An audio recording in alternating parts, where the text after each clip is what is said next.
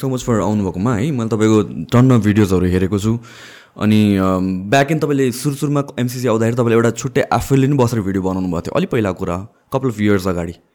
होइन? डेढ दुई वर्ष अगाडि है। त्यो बेला नै मैले तपाईँको आई थिङ्क खोज्दाखेरि तपाईँकै भिडियो मैले फर्स्ट चाहिँ हेरेको थिएँ। मैले कन्ट्र्याक्ट पनि पढेको थिएँ कति कुराहरू बुझेँ कति कुराहरू बुझेन। अनि मल्टिपल टाइम्स पढ्नुपर्ने क्या तपाईँले भन्नुभयो जस्तै गरेर। सो एकचोटि क्विक तपाईँको इन्ट्रोडक्सन दिइदिनु अन्त you can start from okay म मेरो नाम युवराज सङ्ग्रहला पेसाले अब म आफूलाई कानुनको प्राध्यापक भन्छु धेरै मानिसहरूले मलाई चिनाउँदाखेरि वरिष्ठ अधिवक्ता महान्याधिवक्ता भन्छन् तर मलाई त्यसमा गौरव छैन किनभने म प्राध्यापक भएको कारणले वरिष्ठ अधिवक्ता भएको हो म प्राध्यापक भएको कारणले महान्याधिवक्ता भएको हो तिनीहरू चाहिँ फल हुन् डाँट होइन क्या। मैले कानुनको प्राथमिक शिक्षा नेपालमै गरे हो। त्यति बेला पढ्दाखेरि नै मलाई लाग्यो एकदम हाम्रो शिक्षा कमजोर छ किनभने हामी भर्खर डेमोक्रेसीमा दुई हजार सात सालबाट आएको युनिभर्सिटीहरू थिएनन्। युनिभर्सिटी भए पनि मेडिकल इन्जिनियरिङ पढाउनेतिर सरकारको ध्यान गयो। कानुन भनेको त्यति इम्पोर्टेन्ट हो भन्ने लागेन। र हामीलाई हाम्रै दाईहरूले क्या जसले बिएल पास गर्थ्यो अनि उसैले उसको नोट लिएर आएर पढाउँथ्यो। सो एउटा एकदम थियो तर मलाई अलिकति यो कानुनको हायर एजुकेसन पढ्ने थियो त्यस कारण अर्को प्रब्लम के थियो भने हामीलाई मोस्ट युरोपियन एन्ड अमेरिकन युनिभर्सिटीहरूले त्यति बेला हाम्रो युनिभर्सिटीको यो कोर्सलाई मान्यता दिएको थिएन। So we have no options to go to abroad for study of law त्यस्तो खालको अवस्था थियो। इन्डियामा पनि दिल्लीमा हामी एडमिसन पाउँथ्यौँ तर दिल्लीमा एउटै क्लासमा पढ्थ्यौँ हामी इन्डियन विद्यार्थीहरू र हामी। तर हामीलाई चाहिँ एमसिएल भनेर डिग्री दिन्थ्यो मास्टर अफ कम्पेरेटिभ ल भनेर।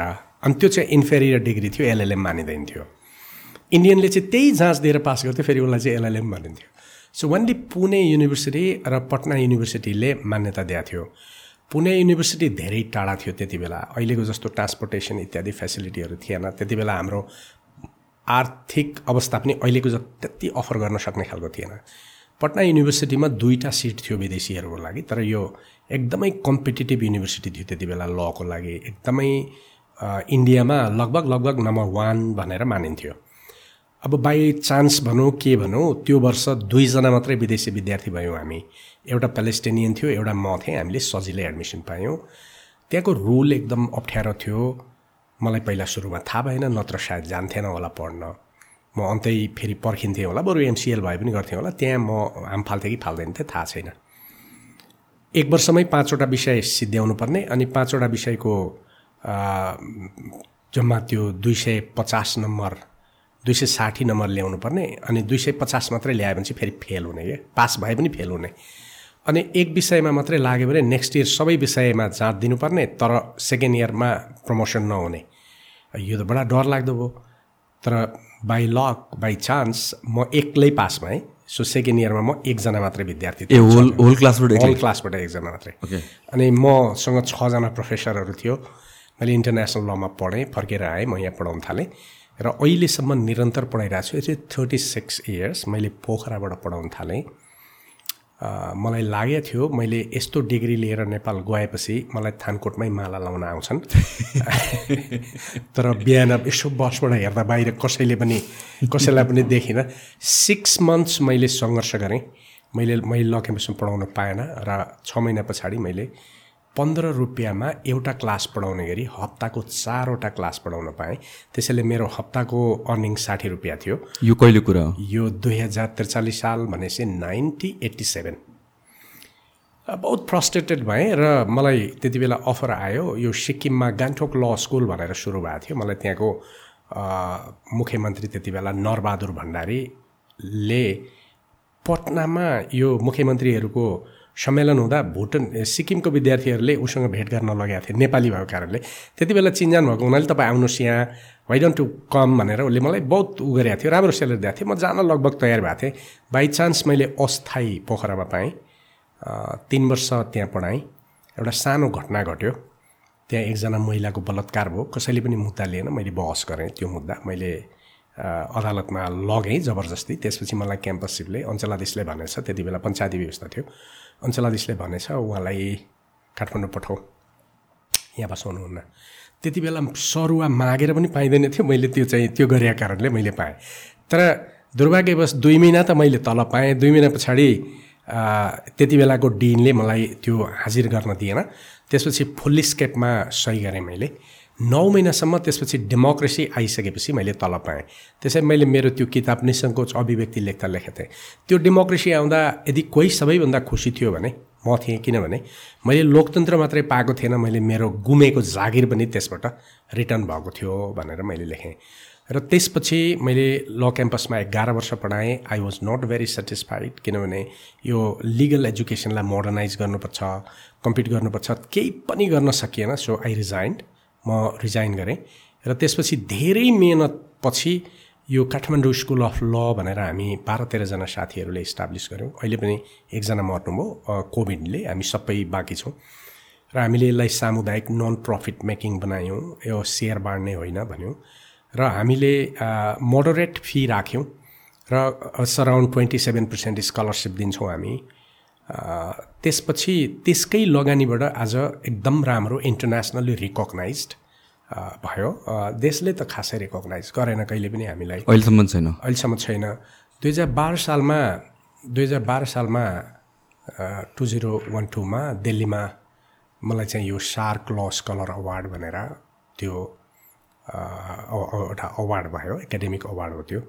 त्यो चाहिँ सार्कको विभिन्न मान्छेहरूले पाउँछन्। त्यही वर्ष डाक्टर उपेन्द्र बक्सीले लाइफ एचिभमेन्ट अवार्ड पाएको थियो. So is known as a legend of legal education in India त्यसपछि दुई हजार चौधमा मैले एउटा लेक्चर दिएँ रेनमिन युनिभर्सिटी चाइनामा. यो एसियन भर्सन अफ इन्टरनेसनल ल हामी कोलोनाइज कन्ट्रिजहरूको आफ्नो इन्टरनेसनल ल हुनुपर्छ युएन बेस्ड भनेर मैले बोलेको थिएँ.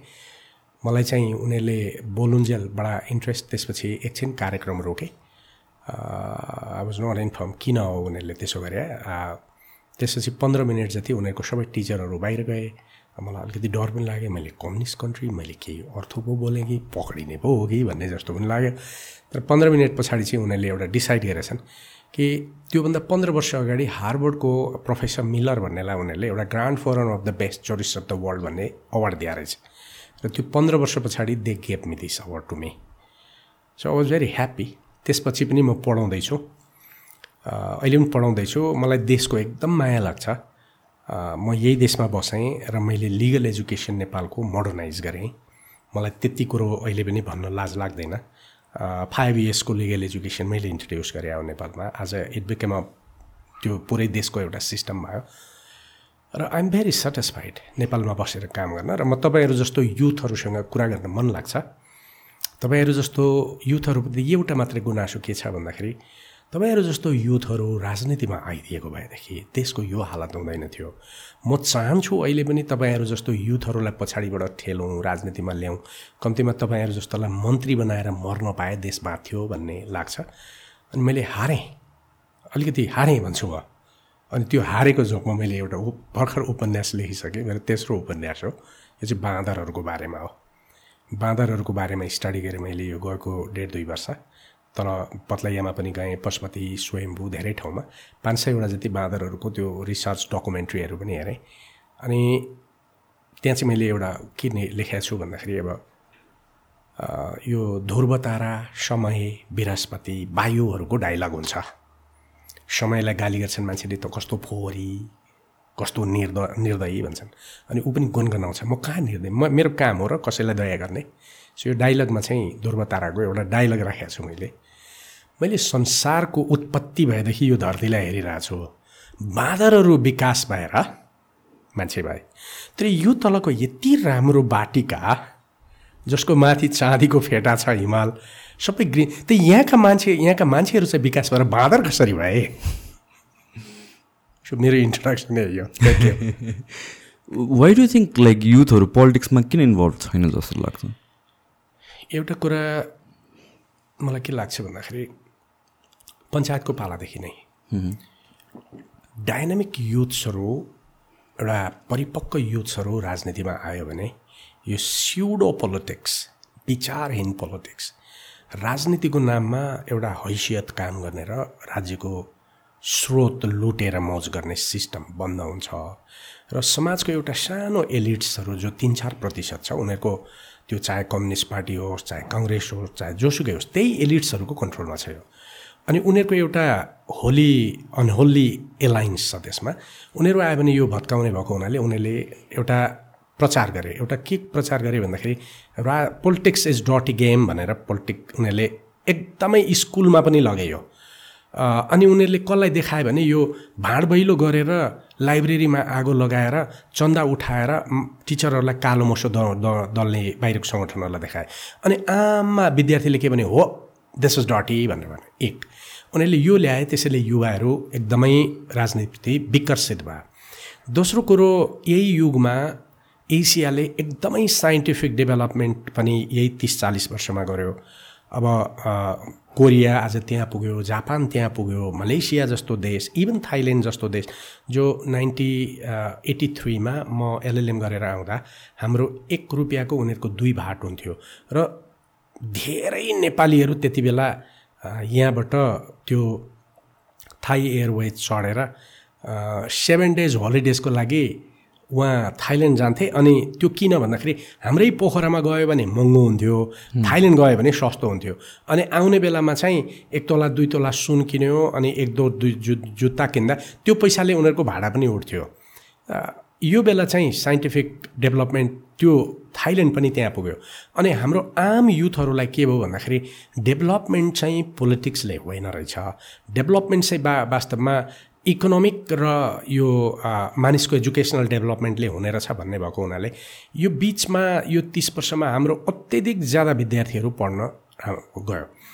अत्यधिक ज्यादा पढ्यो पनि तर दुर्भाग्य के भयो भनेर भन्दाखेरि हाम्रोमा बेस्ट पढेको त्यो विद्यार्थीहरूलाई चाहिँ डेभलप कन्ट्रीहरूले सेपोमेन रिसोर्सको रूपमा प्राप्त गर्यो।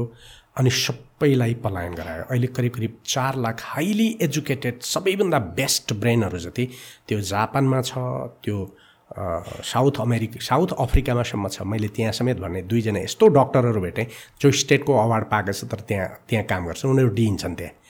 अमेरिका गयो युरोप गयो जर्मनी गयो। त्यसले गर्दाखेरि उनीहरूको एजुकेसनतिर डाइभर्ट भयो त्यो राम्रो कुरा थियो। तर उनीहरू देशमा बसिदिएको भए पोलिटिक्स अर्को तरिकाले डेभलप हुन्थ्यो होला तर उनीहरू देशमा बस्दिएन अर्को तेस्रो कुरा चाहिँ के भयो भन्दाखेरि मेजर कज चाहिँ सायद यो हो। फर्स्ट र कज र यो सेकेन्ड थर्ड कज चाहिँ मेजर कज हुन्। कि यो अहिले जुन पोलिटिक्समा विद्यार्थीहरूले गर्छ सबैभन्दा नपढ्ने सबैभन्दा यो भाइलेन्ट खालको प्रवृत्तिको मान्छेहरू गए। अनि बाबुआमाले के भने भन्दाखेरि उनीहरूलाई हेरेर छोराछोरीले म पोलिटिक्स गर्छु भन्यो भने त्यो पोलिटिक्स गर्छस् तँलाई भनेर बाबुआमाले हप्काए बाबुआमाका डरले पनि जिनियन युथ्सहरू पोलिटिक्समा गएनन्। तर आउने दस वर्षमा हामीले देशका बेस्ट ब्रेनहरूलाई पोलिटिक्समा ल्याउन सकेनौँ भने देश चाहिँ रहँदैन। यो कुरो चाहिँ निश्चित हो। तपाईँले हुनुको एउटा कुरा चाहिँ मलाई ठ्याक्क हिट भयो कि? लाइक हामी पनि बच्चामा हुँदाखेरि politics is a dirty game भन्ने चाहिँ it's a very common code के? हरेक घरमा हुन्थ्यो नि हरेक हरेक घरमा मात्र होइन त्यो स्कुलहरूमा मैले यो पडकास्टमा धेरैचोटि कुरा गरेर आउँछु कि यसको बारेमा। यो अटो बुकहरू भन्ने हुन्थ्यो नि त स्कुलहरूमा एकअर्काको अटो बुकहरू त्यहाँ पनि प रिलिजन अनि त्यसपछि यो यताउतिको बारेमा आफ्नो ओपिनियन लेख्दाखेरि पोलिटिक्समा जस जसले पनि लेख्ने इट्स अ डर्टी गेम भनेर लेखिन्थ्यो क्या। सो आई थिङ्क त्यो वायर्ड नै भयो त एउटा कुरा। र नेसेसिटी पनि कहिले लागेन कि। पोलिटिक्स भनेको कुन हिसाबले लियो भनेपछि दिस इज समथिङ जो प्रोफेसनल करियरमा फेल भएपछि या प्रोफेसनली या भनौँ न knowledge wise education point of भ्यूले fail भएपछि लाग्ने ठाउँ हो जस्तो हिसाबले चाहिँ मोस्ट पिपलले बुझ्यो जस्तो लाग्छ क्या। र पोलिटिक्सको बारेमा अब त्यही तपाईँले भने जस्तो युजली हामीले देख्ने भनेकै भाइलेन्सदेखि लिएर यताउति गुन्डागर्दी टाइपको हिसाबले। त्यो पोइन्ट अफ भ्यू लिएर देखेर चाहिँ कहिले पनि इन्ट्रेस्ट लागेन। मलाई पर्सनली चाहिँ अलिकति इन्ट्रेस्ट लाग्न थालेको कहिलेदेखि भनेपछि यो कोभिडको बेलादेखि हो। जुन बेला यो कोभिड भयो अनि त्यसपछि जुन हिसाबले स्टेटले एउटा डिसिजन लियो एउटा लकडाउनदेखि धेरै कुराहरू गर्यो नि त जुन I think could have been handled in a much better way definitely होइन त्यतिखेर चाहिँ मैले के रियलाइज गरेँ भनेर भनेपछि ए पोलिटिक्स भनेको त एकदम इम्पोर्टेन्ट पार्ट रहेछ किनभने that directly is correlated with how the country is run who. Runs the country how the country is run त्यो रन गर्ने मान्छेको मेन्टालिटी के हुने रहेछ। सो बुझ्नु नै पर्ने चिज हो भनेर त्यतिखेर रियलाइज तपाईँलाई मेरो अर्को एउटा इक्जाम्पल दिउँ न। हजुर। मेरो दुईवटा छोरी छ। हजुर। मेरो एउटा छोरीले मेरो जेठी छोरीले म जर्नलिजममा जान्छु भने अनि मैले उसलाई एनआइसी त्यो कलेजमा लगेर त्यो मास कम्युनिकेसनमा भर्ना गरेँ। अनि धेरै उसले पढिसकेपछि उसले चाहिँ अब कुन चाहिँ ल कुन चाहिँ मास कम्युनिकेसन कलेजमा जाने भनेर उसले मलाई सोध्यो अनि मैले भने म त जान्दिनँ यो बारेमा। अनि प्रतीक प्रधान मेरो राम्रो साथी। त्यति बेला उनी काठमाडौँ रिपब्लिका सायद त्यसको चिफ एडिटर थिए। अनि मैले उसलाई भने ऊ प्रत्येक अङ्कललाई गएर भेटेर which college is the best college तिमी कुरा गर भनेर भनेपछि ऊ गयो। प्रतीकजीले के भन्नुभएछ भन्दाखेरि पहिला कानुन पढ न। पहिला कानुन पढेर मास्टर डिग्री तिमी जर्नलिजममा गयो भने यो वुड बी बेटर तिमीलाई कसैले पनि हप्काउन पनि सक्दैन। तिमी आफ्नो अधिकार के हो भन्ने पनि बुझ्छौ। यो वुड बी बेटर भनेपछि ऊ फर्केर एकदम कन्भिन्स भएर म त ल पढ्ने भएँ। अनि त्यसपछि जर्नलिजममा जान्छु भनेर आयो। ऊ पऱ्यो पस्यो मलाई पनि ठिकै लाग्यो। अब मेरो कान्छी छोरीले एक वर्ष पछाडि सिद्ध्यायो। अनि उसले पनि ल पढ्छु भन्यो। अब my wife was not very happy अब उसको चाहिँ के भने उसलाई चाहिँ मेडिकलतिर लान पाए हुन्थ्यो यताउता। अनि एक दिन मैले बेलुका सुत्ने एघार बजीतिर मेरो छोरीको एउटा चिठी पाएँ। माथिल्लो कोठाबाट तल्लो कोठामा खाम चाहिँ पत्र आयो। मैले खोलेर हेरेँ एघार पेज छ। अनि दिदी उसले चाहिँ यो पढ्न पाउने तपाईँहरू गाडीमा हिँड्दा तपाईँहरूले जुबेनाइल जस्टिसको बारेमा कुरा गऱ्यो मलाई चाहिँ एकदम फिल भयो। मैले चाहिँ किन पढ्न नपाउने? ठिक छ तपाईँहरू भन्नुहुन्छ भने म मेडिकल के अरे टियुको जाँच म पासै गरेर देखाइदिन्छु। अब एसएलसीमा पनि उसको पोजिसन सेभेन थियो कि। भेरी इन्टेलिजेन्ट गर्ल तर मलाई ल पढ्न मन छ किन मैले पढ्न खोजेको कुरो मैले पढ्न नपाउने? भनेपछि अनि मैले घरमा मिटिङ राखेँ। अनि तिमी किन ल पढ्नेलाई एउटा जस्टिफाई गर नि त भनेर भने मैले भने उसले भन्यो म अल्टिमेटली ल पढेर पोलिटिक्स गर्न चाहन्छु। म त्यो केशव स्थापित म नगरपालिकाको चिफ लयर उस उसँग पटक पटक भेट हुन्थ्यो।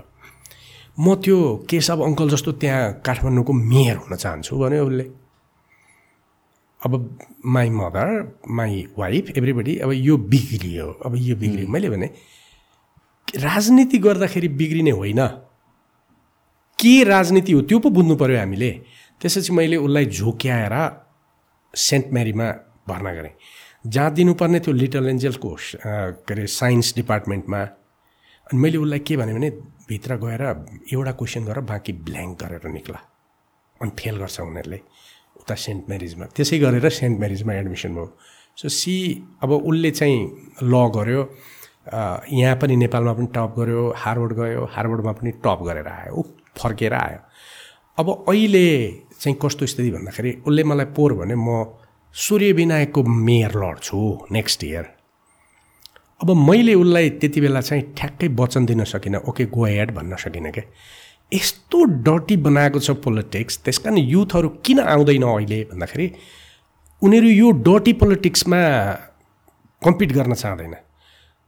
रन्जु दर्शनासँग मैले दुई तिनचोटि कुरा गरेँ। उनीहरूको ग्रुपको यङ केटाकेटीहरू मसँग आइरहन्छन् कुरा गर्न।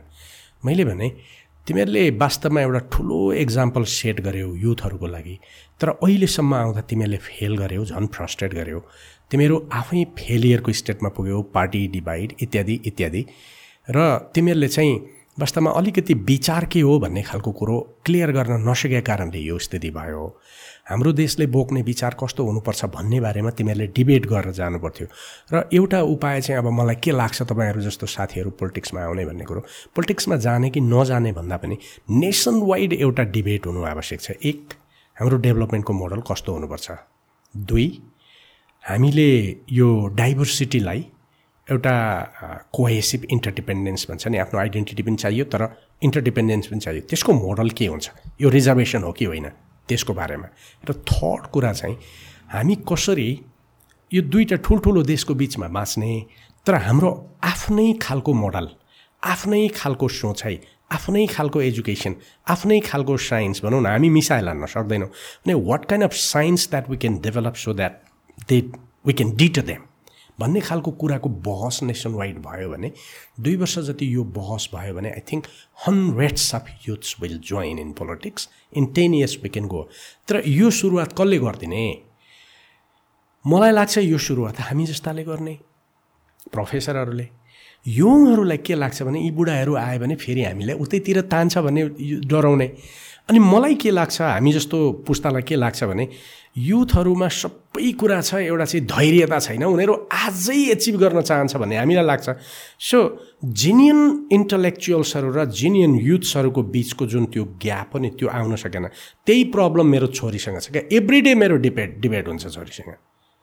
तर she object something of our generation and I object something of their generation म अहिलेसम्म मेरै छोरीसँग चाहिँ यो पुल गर्न सकिरहेको छैन।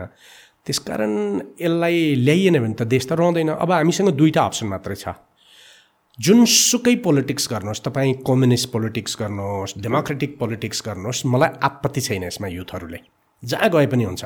तर यो तिन चिज तपाईँ सोचेर आउनुभयो भने विचार लिएर आउनुभयो भने यो दस वर्षमा हामी युथहरूलाई पोलिटिक्समा ल्याएर देशलाई जिम्मा लिन पनि सक्छौँ।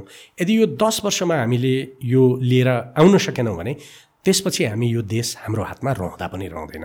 आइ आइदर यो ब्रेकडाउन हुन्छ या यो यसको कुनै अस्तित्व रहँदैन वा यो एक किसिमको युद्धभूमि हुन्छ अफगान जस्तो त्यसकारण युथहरूको लागि चाहिँ भयङ्कर ठुलो च्यालेन्ज अहिले क्रिएट भएको छ भन्ने मलाई लाग्छ। Do think like media plays a very important role यो ग्याप ब्रिज गर्नमा कि? मैले जोकिङली भनिरहेको हुन्छ कि? जुन पिपल इन पोलिटिक्स भनौँ या भन्छ मोर इन्टलेक्चुअल पिपलहरू जस जसको चाहिँ एक्सपिरियन्स छ लाइक यर सेल्फ जुन टाइप अफ मिडियामा तपाईँहरूले एक्सपोजर पाउनुहुन्छ इट्स युजली मैले जिस्केर चाहिँ बुढो मिडिया भन्छु कि? एक्ज्याक्टली राइट तर जुन युथहरूको मिडिया छुट्टै छ होइन? एउटा लाइक एक्ज्याक्टली त्यो ग्याप ब्रिज भयो भने चाहिँ आई थिङ्क त्यो क्रस ओभर हुन चाहिँ जरुरी छ कि? होइन मैले मैले अहिले over the last three weeks मैले के भने भन्दाखेरि थर्टी सिक्स इयर्स मैले पढाएँ। तर मैले पढाएर नेपालको लिगल एजुकेसनमा एउटा चेन्ज त देखाएँ। मैले दुई सय जति मैले पढाएको विद्यार्थीहरू नेपालको गभर्मेन्टभित्र गयो उनीहरूले पनि केही प्रमाणित त गर्यो। तर मैले यत्रो बिस वर्ष लगानी गरेको कुराबाट इम्प्याक्ट चाहिँ के हो त भन्दाखेरि आइएम भेरी फ्रस्टेड जुन इम्प्याक्ट हुनु पर्थ्यो मैले पढाएको विद्यार्थीले घुस खाएन ठिक छ तर उसले समाजलाई के कन्ट्रिब्युट गर्यो भन्दाखेरि ऊ आफूलाई समाजलाई भन्दा म कसरी चाँडोभन्दा चाँडो सचिव बनौँ म कसरी पिएचडी गरौँ भन्नेमा मात्रै छ। So I become very frustrated र मैले के भने मैले त वास्तवमा यो कलेज खोलेको त नेसनका लागि थियो नि त व्यक्तिको डेभलपमेन्टको लागि होइन। मैले चाहिँ जर्ज टाउन युनिभर्सिटीमा पढाएँ मलाई अफर भयो म नौ महिना गएर पढाएँ। र मलाई अल्टिमेटली के फिल भयो भने जुन लेभलमा म यहाँ पढाइरहेको छु यदि मैले यो देशमा कन्ट्रिब्युट गरेँ भने त लिगल एजुकेसन चेन्ज गर्न सक्छु नेपालमा। म नौ महिना पछाडि कन्ट्र्याक्ट चेन्ज नगरी नेपाल आएँ। त्यति बेला अस्ति मलाई मेरो छोरीले कहाँ भेट्टाएछ कान्तिपुरमा त्यो म जर्ज टाउनमा पढाउन गएको first visiting professor from Nepal to Georgetown भने कान्तिपुरले न्युज लेखाएर छ। उसले काटेर मलाई त्यो ल्याएर देखायो म सकित परेँ मैले त भेटे पनि थिएन। अनि म फर्केर आएँ। तर अहिले म के भन्छु भन्दाखेरि वास्तवमा मेरो जति समय मैले म तपाईँहरूले कति पत्याउनुहुन्छ थाहा छैन। त म पाँच घन्टा मात्रै सुत्छु। म राति एघार बजेबाट बिहान पाँच बजे मात्रै सुत्छु। म बिहान सात बजे कलेजमा आइसकेका हुन्छु। मैले यो बिस वर्षमा एक्काइसवटा किताबहरू लेखेँ र मेरो किताबहरू अहिले होल तिनवटा किताबहरू इन्डियाको सबै युनिभर्सिटीमा पढाइ हुन्छ। एउटा किताब अब लन्डनबाट प्रकाशित हुँदैछ यो डिकोलोनाइजेसन अफ जोरस वुडेन्स हाम्रो जुन कानुनी सिस्टम हो त्यो नै हाम्रो होइन। हाम्रो सोचै फरक छ। आधुनिक त हामी हौँ तर हाम्रो कन्टेक्सभित्र हाम्रो पहाडमा लागु हुने ल र मध्य इन्डियाको मधेसमा लागु हुने ल नै डिफ्रेन्ट हुन्छ। हाम्रोमा हुने क्राइम र त्यहाँकै क्राइम फरक छ। र अहिले भर्खर एउटा किताब चाहिँ इन्डिया गयो त्यहाँको पब्लिसरले छाप्ने भनेर यो कन्टेक्चुअलाइजेसन अफ कन्स्टिट्युसनलिजम हामीले कुन संविधानको कुरा गरे हो? हामीले जस्तो भारतको केशवानन्द भारती भन्छ भारतको गभर्मेन्टले जमिनदारी उन्मूलन गर्नको लागि संविधान संशोधन गर्यो। कोर्टले नो फन्डामेन्टल राइट व्यक्तिगत राइट चाहिँ व्यक्तिगत राइट चाहिँ चेन्ज गर्न पाइँदैन भने अब पाँच प्रतिशत मान्छेसँग सन् भारतको सबै जमिन छ। नाइन्टी के अरे नाइन्टी पर्सेन्ट मान्छे गरिब छ त्यसमध्ये जम्मा हार्डली दस बाह्र प्रतिशतसँग मात्रै जमिन छ अरू जम्मै चाहिँ निर्धन छ। भने अनि पाँच प्रतिशतको फन्डामेन्टल राइट चाहिँ जमिन राख्ने हो भने अनि बाँकीको बाँच्न पाउने अधिकार चाहिँ के त? त्यही हो हाम्रो जस्टिस। मैले त्यसलाई च्यालेन्ज गरेर यो आयो इन्डियाबाट उनीहरू पनि खुब इन्ट्रेस्टेड छन् यो। उनीहरूले छाप्दैछन्। अब चाहिँ म के भन्दैछु भने अब मैले सायद देशका विभिन्न भागमा जाने सूचना गर्ने म पोखरा आउँछु म युथहरूसँग छलफल गर्न चाहन्छु। दुई दिन बस्ने उनीहरूसँग छलफल गर्ने। म झापा जाने छलफल गर्ने। सो यो एजुकेसनले यदि मैले पोजिटिभली देशलाई चाहिँ अगाडि ल्याउनको लागि युवाहरूलाई राजनीतिमा आउन प्रेरित गरेँ भने मैले के कमिटमेन्ट गर्ने हो भन्दाखेरि मलाई मन्त्री पनि हुनु छैन मलाई नेता पनि हुनु छैन म चाहिँ हुन्न तर म तपाईँहरूलाई बन्न सहयोग गर्छु भन्यो भने त मलाई युवाहरूले नपत्याउनु पर्ने के कारण छ र? म यो आउ यो रिच आउट गरौँ भन्ने क्वेसन चाहिँ अहिले छ। त्यसैले मैले अस्ति विद्यार्थीहरूलाई भने मैले यो यत्रो वर्ष पढाएँ वास्तवमा अब कतिलाई चोर्न दिएन भनेर शत्रु भयो कतिलाई कडासँग पढायो भनेर गयो। मैले डिसिप्लिनमा राख्न खोज्दाखेरि तिम्रो बाबुआमाको पैसा चाहिँ यहाँभित्र बसेर पढ्नुपर्छ यु सुड बी अ कारण तिमीले हेर्ने त इन्टरनेसनल कोर्ट अफ जस्टिस पो हो त। त्यस कारण अहिले पाँच वर्ष तिमी मेहनत गर न त्यसपछि जे जे गर्छौ गर। तिमी अहिले नङ पालिस लगाउन पनि बन्द गर कपाल रङ्गाउन पनि बन्द गर। यो पाँच वर्ष तिम्रो स्वतन्त्रता मलाई देऊ। त्यसपछि तिमी स्वतन्त्र भन भन्दाखेरि अस्ति एउटाले त फेसबुकमा के लेख्यो भने सास फेर्न पनि पाइँदैन मैले भने सास फेर्न मैले मेरो लागि नदिए र उसलाई बनाउनको लागि हो नि त्यस कारण पढाउने कुरो अब त्यति जाँगर छैन। अब म यसो गरौँ जस्तो लाग्छ। र म अब तपाईँहरूसँग अघि तपाईँले बडा इम्पोर्टेन्ट कुरा उठाउनु भयो यो टेलिभिजनहरूमा बोल्न नजाँदा हुँदैन। तिनचोटिमा गएन भने त फेसबुकमै लेखेर थर्काउँछन् त्यो मेसेन्जरमा। अनि गएपछि प्रश्न के हुन्छ भने समाधान खोज्ने प्रश्न गर्दैन। खालि कन्ट्रोभर्सी क्या अनि कसरी प्रश्न सोध्छ भन्दाखेरि अनि त्यसो भए माधव नेपाल वा प्रचण्ड वा देउ वा फटा होइन त। मैले हो भन्ने कि होइन भन्ने। तपाईँ यतातिर डाइभर्ट नगर्नुहोस् न मेरो दिमाग त तपाईँ देश कसरी बनाउँछ भन्नेतिर लानुहोस् न भन्यो। गर्दा गर्दै कन्ट्रोभर्सीमा लाँदा लाँदै अनि त्यसपछि त्यो तल कमेन्टमा चाहिँ कस्ता खालको मान्छे कमेन्ट गर्न आउँछ भन्दाखेरि माधव नेपाल फटा होइन प्रचण्ड फटा होइन देउवा फटा होइन भन्यो भने यो चोर पनि दलाल रहेछ भन्छन्। अनि हो भन्यो भने त्यो जसलाई चाहिँ हो भन्यो त्यो अर्कोले त्यो भन्छ। त्यस कारण अनि मैले भने यो नजाँदा हुँदैन। अब खास गरी एमसिसीको बारेमा धेरैले बोलाएँ म गएँ। मैले जहिले पनि बौद्धिक बहस गरेँ। हिजो त्यो अस्तिको त्यो राजदूतले बोल्यो नि हामीलाई बौद्धिक बहस चाहिँ ठिक छ? यो चाहिँ हिंसा चाहिँ छैन। त त्यही कुरो त मैले आजभन्दा एक वर्षदेखि भनेको छु हाम्रो लडाइँ तर्कमा हुनुपर्छ। हाम्रो हाम्रो लडाइँ जुलुस होइन। हामी हरेक नेपालीले तिम्रो एग्रिमेन्टमा यहाँ गलत छ भनेर भनौँ न अनि पो उनीहरूले हार्छ त। आखिरी हामी तिनजना मान्छे बोल्छौँ। खगेन्द्र प्रसाईले तर्कको कुरा गर्छ सूर्यराज आचार्यले म तर्कको कुरा गर्छु। अब हामी हाम्रो तर्कको त कुनै अर्थ भएन नि त। मान्छे के भन्दाखेरि बाहिर आउने चाहिँ कडा कडा बोल्ने यसलाई काट्नपर्छ यसलाई मार्नपर्छ आगो लगाउनुपर्छ भन्ने हिरो भयो whole mass of youth is diverted behind them उनीहरूले लगेर कुनै खाडलमा हाल्छ। जिनियन युथहरू पनि यसको रियल एनालिसिसमा आएन। अनि जिनियन इन्टलेक्चुअलहरू पनि बहसमा भन्दा धेरै जसो इन्टलेक्चुअल चाहिँ गाली गलौजमा गयो। अनि त्यसमा उतापट्टिको यो जसले समर्थन गर्छ तिनीहरूले त यिनीहरू राष्ट्र विरोधी हुन् अहिले हामीलाई चाहिँ म्यासेज पठाउँछन् त्यो नजानिदो तरिकाले। के भनेर म्यासेज पठाउँछन् थुप्रैले भन्दाखेरि एमसिसीको विरोध गर्नेको दिन अब सकियो भनेर। त्यो हामीलाई थ्रेट गरे हो क्या? त्यो थ्रेट हामी बुझ्छौँ। त्यो पटक पटक आइरहन्छ। अनि अब ठिकै छ। एमसिसी विरोध गर्दाखेरि जीवन सिद्धिने हो भने त। सिद्धियोस् न त। केही आपत्ति छैन। राष्ट्रका लागि उभिएको हो न अमेरिकाको विरोध गरे हो न कसैको विरोध गरे। हाम्रो भनाइ के हो भने अहिलेसम्म देशमा दुई हजार एघार सालदेखि दुई हजार सात पछाडिको एघारदेखि यो एउटा स्टडी युले गरेछ केही एक्सपर्ट्सहरू नेपालीहरू लगाएर। जम्मा दुई सय अठसट्ठी अरब two six eight billion Nepalese rupees चाहिँ नेपालमा एड आएछ विदेशी। त्यसमध्ये one hundred and fifty nine चाहिँ लोन आएछ। त्यो लोनको डेट हामी तिरात्तरै छौँ हरेक साल। त्यसो करिब करिब बिस बाइस प्रतिशत चाहिँ त्यो डेट तिर्छौँ हामी।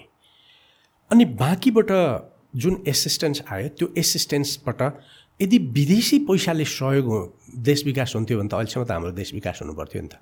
त्यो दुई सय अडसट्ठीमा अर्को पचास अरब थपिँदा स्वर्ग देश बन्ने भयो भने मैले एउटा इन्टरभ्यूमा भने पनि तपाईँहरू मलाई लेखेर दिनुहोस् न।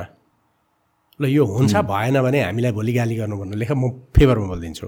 तर प्रश्न कुनै पनि संसारको कुनै पनि देश विदेशी सहयोगबाट विकास भएन मान्छेको प्रोडक्टिभिटीबाट भयो र हाम्रो आवश्यकता भनेको नेपाली युथहरूले जो राम्रो पढेको छ। मैले पटक पटक सरकारलाई भने बाबा उनले के गरिरहेछन् कसरी गरिरहेछन् त्यो उनको कुरो हो। तर किन वाइ डोन्ट यु सपोर्ट यो हाम्रो महावीर पुनलाई किन सहयोग गर्दैन? उसले कहिले यो मेसिन बनाउन पैसा मागिरहेको हुन्छ हि इज डुइङ इट तपाईँको अहिले रोहित डक्टर सन्दुक रोहित उसले यत्रो संसारमा एउटा नमुना दियो। अहिले विदेशी आई हस्पिटल्सहरू आएर सन्दुक रोहितको यो टोटल थ्योरीलाई फेल गर्न लागिरहेछ। Why don't you support that मैले एउटा नन प्रफिट कलेज खोलेँ र मैले नेपालको लिगल एजुकेसनलाई मोडर्नाइज गरेँ। Why don't you take up this college हाम्रो त यो नाफा कमाउने होइन। सरकारले लैजाऊ राम्रो युनिभर्सिटी बनाइदेऊ सानो युनिभर्सिटी बनाइदेऊ। अब त हामीलाई रिटायर गरिदेऊ। र यो बनाऊ। डाक्टर भगवान् कोइरालाले गङ्गालाल बनायो। हि वाज थ्रोन अवेद्य त्यसपछि तपाईँको के भन्दाखेरि टियुटिएसमा गएर मनमोहन कार्डियोलोजी सेन्टर डेभलप गर्यो। यस्तो त तपाईँको हजारौँ युथहरू छ नि। भित्र पसेर हेर्छु कसैले कोडेउलाको मल बनाएर कमाइरहेछ कसैले विशेष खालको त्यो कपडाहरू उत्पादन गरिरहेछ। अनि मलाई त्यहाँ गएपछि एकदम म अलिक भावुक मान्छे पनि छु त्यो उनीहरूको प्रोडक्टिभिटी उनीहरूको त्यो जाँगर हेर्दाखेरि र यो सरकारले यो देशका पोलिटिकल पार्टीले केही पनि नहेरेको देख्दाखेरि मलाई एकदम भएर म अनि म घरमा आएर गल्ल्याम्मै सिरकले मुख छोपेर छोपेर सुत्छु क्या कहिले कहिले। मैले यस्तो यस्तो युथहरू देखेको छु यो देश डुल्दाखेरि विचित्र इनोभेटिभ छ। त्यसैले यो उनीहरूको इनोभेसनलाई के गर्ने होला? तर कानुन कसरी बन्छ भने हेर्नुहोस् तपाईँले एउटा कानुन बनाउने कुरा मेरो चार घन्टा बहस भएर मैले त्यो फ्याँकिदिएर हिँडेँ मलाई उनीहरूले कन्सल्टेन्टको रूपमा ल्याएको थियो। सिम्पल कुरो के भन्दाखेरि त्यो औद्योगिक प्रतिष्ठान ऐनमा परिवर्तन गर्दाखेरि कम्पनी नखोली उद्योग खोल्नु हुँदैन भन्ने उहाँहरूको भाषा। यस्तो नेगेटिभ ल किन लेख्नुहुन्छ? आजभन्दा आजभन्दा चौबिस सय वर्ष अगाडि चिनमा साङ्याङ भन्ने एउटा विद्वान थियो। उसले के भन्यो भने सजाय चाहिँ सानो कुरा हो त रिवार्डबाट मान्छेले देश डेभलप गर्छ। हामीले त रिवार्डमूलक कानुन बनाउनुपर्छ। कुनै किसानले धेरै उत्पादन गर्यो भने ट्याक्स मिना गरिदियो भने अरू किसान पनि उत्पादन गर्न थाल्छ। चोर चाहिँ थोरै हुन्छ समाजमा भलादमी मान्छेहरू चाहिँ राम्रो हुन्छ र मान्छेले समान र मर्यादाको लागि काम गर्छ। अनि मैले भने यस्तो कानुन नलेखौँ न। उद्योग स्थापना गर्न कम्पनी दर्ता गर्नुपर्छ भनेर चाहिँ लेखौँ न। चार घन्टा डिबेट गर्दा मैले कन्भिन्स गर्न सकिनँ मैले कागज फ्याँकिदिएर हिँडेँ हेर्नुहोस्। यो खालको मान्छेहरू शासनमा बसेर देश कसरी बन्छ? मन्त्रीहरू कस्तो छ हेर्नुहोस् त। कति पढेको मान्छे छ। अङ्ग्रेजी बोल्न जान्दाखेरि मान्छे विद्वान हुन्छ भन्ने कन्सेप्ट यो स्युडो नलेज जुन आयो नि यो यो छट्टु विद्या यो मन्दबुद्धि सात क्लास पढेको छ अङ्ग्रेजी बोल्छ सबै कुरो जान्दछ। इन्टरनेसनल रिलेसन परराष्ट्र मन्त्रीले कम्तीमा बेसिक यो फरेन पोलिसीका प्रिन्सिपल्सहरू बुझ्नु पऱ्यो एउटा कसैको किताब पढेर होइन बुझ्नु पऱ्यो इकोनोमिस्ट जो मान्छेहरू इकोनोमिस्ट बनिरहेछन् अर्थमन्त्री बनिरहेछन् have the knowledge of what is economy political economy भने के हो? त्यो किताब पढेर कलेज पढ्दा जानेको नलेजले होइन नि। हाम्रो देशको पोलिटिकल इकोनोमी थाहा पाउनु पऱ्यो नि। एजुकेसन मिनिस्टर हेर्नुहोस् त। संसारको एजुकेसन कहाँ गयो? आज कहाँ छ? मैले सातवटा कार्यदलहरू नेतृत्व गरेको छु शिक्षाको। र लेटेस्ट कार्यदल मैले चाहिँ ने नेतृत्व गर्दाखेरि पाँच छजना प्रोफेसरहरू हुनुहुन्थ्यो। उनीहरू के भन्नु भने नेपालको एजुकेसनको एउटा खाका राखिदिउँ भनेर हामीले स्टडी गऱ्यौँ। यस्तो डिटेल स्टडी गऱ्यौँ। मलाई अहिलेसम्म न त शिक्षा मन्त्रालयले बोलाएर शिक्षाको बारेमा केही कुरो गर्छ। म अब कम्तीमा भनौँ न भारत र चिनबाट अवार्डेड मान्छे हो। मलाई अहिलेसम्म कानुन मन्त्रालयले कुनै कानुन बनाउँदाखेरि सल्लाह मागेको छैन। मलाई अहिलेसम्म पार्लियामेन्टले कुनै ऐनको बारेमा सल्लाह मागेको छैन। मलाई अहिलेसम्म एजुकेसन मिनिस्ट्रीले हाम्रो एजुकेसनको मोडालिटीको बारेमा सल्लाह मागेको छैन। त्यति मात्रै होइन। हाम्रो ओडाको एजुकेसन कस्तो बनाउने भनेर ओडा अध्यक्षले त खोज्दैन हामीलाई। हामीलाई त खोज्दैन। How you think that they will look upon youths of this country pathetic छ सिचुएसन हामीले यसलाई चेन्ज गर्ने दायित्व छ। म समटाइम चाहिँ भेरी फ्रस्ट्रेटेड म होइन। तर म चाहिँ के भने त्यो फ्रस्ट्रेसन मेरो लागि चाहिँ त्यो यो हिउँ परेपछि जमिन मलिलो हुन्छ भने त्यो फ्रस्ट्रेसनले फेरि मलाई ऊर्जा दिन्छ र म बाहिर आउँछु। तर कहिले कहिले चाहिँ रियली फ्रस्ट्रेसन हुन्छ। यी कारणहरू चाहिँ बेसिक हुन् हाम्रो डेभलपमेन्ट नहुनुको पछाडि। या आई थिङ्क यो जुन भन्नु right person at the right place होइन यो चाहिँ एकदमै क्रिटिकल छ हाम्रो कन्ट्रीमा मैले पनि आई वाज इन्भल्भ इन यो नेपालमा फर्स्ट थिङ अब म बिजनेसहरू अन्टरप्रिनर रियल इन्डस्ट्रीमा चाहिँ छु म होइन इको सिस्टममा अनि फाइनेन्स मिनिस्ट्रीमा चाहिँ अब जस नेपालमा स्टार्टअप भने रेकगनाइज नै छैन क्या पहिलो कुरा। अनि वी वेन्ट देयर यो प्रपोजलको लागि कि नेपालमा अब जबसम्म at the end of the day जहिले पनि ट्रेडमा मात्र डिपेन्डेन्ट भएर त हुँदैन भित्र इन्डस्ट्रियलाइजेसन ग्रो गर्नको लागि स्टार्टअपलाई त प्रमोट गर्नु पऱ्यो some way or the other educate गर्नु पऱ्यो प्रमोट गर्नु पऱ्यो युथहरू जोसँग पनि कुरा गर्दाखेरि एउटा कम्पनी रेजिस्टर गर्ने जस्तो सिम्पल कुरामा पनि यहाँ यतिको गाह्रो छ कम्प्लिकेटेड छ राइट सो यो कुराहरू निस्किँदाखेरि चाहिँ ल स्टार्टअप भने के हो डिफाइन गरौँ न त भनेर भनेर अगाडि बढ्दाखेरि नेपाल कन्टेक्समा स्टार्टअप भने नै बुझेको छैन रहेछ क्या? जो फाइनेन्स मिनिस्ट्रीमा एन्ट एन्टरप्रेनरसिप भनेको पनि बुझेको छैन। बुझेको छैन। म तपाईँलाई एक तपाईँलाई इन् इन्टरप्ट गरेँ। मैले हजुर। एकदम तपाईँले राइट कुरो उठाएको बेला दुइटै दुइटा देशको एक्जाम्पल मैले साउथ कोरियाको डिटेल स्टडी गरेको छु यो बारेमा। अनि मैले चिनको पनि स्टडी गरेको छु। र नेपालको यो पोभर्टी चाहिँ म पोभर्टी भन्दिनँ म डेप्रिभेसन भन्छु क्या। पोभर्टी भनेको चाहिँ छाया हो। अनि पोभर्टी एलिभेट गर्ने पोभर्टी हराउने भन्छ। मलाई हटाए पो मेरो छाया हट्छ त। एक्ज्याक्टली ओके अनि मैले चाहिँ त्यो किताब लेखेँ अहिले म त्यसलाई सेकेन्ड एडिसनमा ल्याउँदैछु त्यो राइट टु हेभ राइट्स राइट्सका लागि पहिला राइट राइनर छ क्या नेपालीहरूसँग चाहिँ। पहिला राइट्स पाउन राइट देऊ न भन्ने मेरो थ्योरी हो। इट्स वाइडली मेरो प्रोफेसर्सहरू साथीहरूले खुब एप्रिसिएट गरेका छन्। तर अब हामी सानो देशमा छौँ त्यो बाहिर धेरै पब्लिस भएर हाम्रो नोटिसमा आउँदैन। अनि मैले हेरेँ कस्तो इन्ट्रेस्टिङ कुरा भन्दाखेरि कोरियामा Mahatma Gandhi skill entrepreneurs for youth भन्ने प्रोग्राम छ। त्यहाँ उनीहरूले त्यो प्रोग्राम अन्तर्गत के गर्दो रहेछ भन्दाखेरि जस्तो एउटा किसानले दुई रोपनीमा गा यो अ, ड्र्यागन फ्रुट लगाए। अनि उसले सानो एउटा त्यो ग्राइन्डर ल्याएर त्यसलाई जुस बनाउन थाले।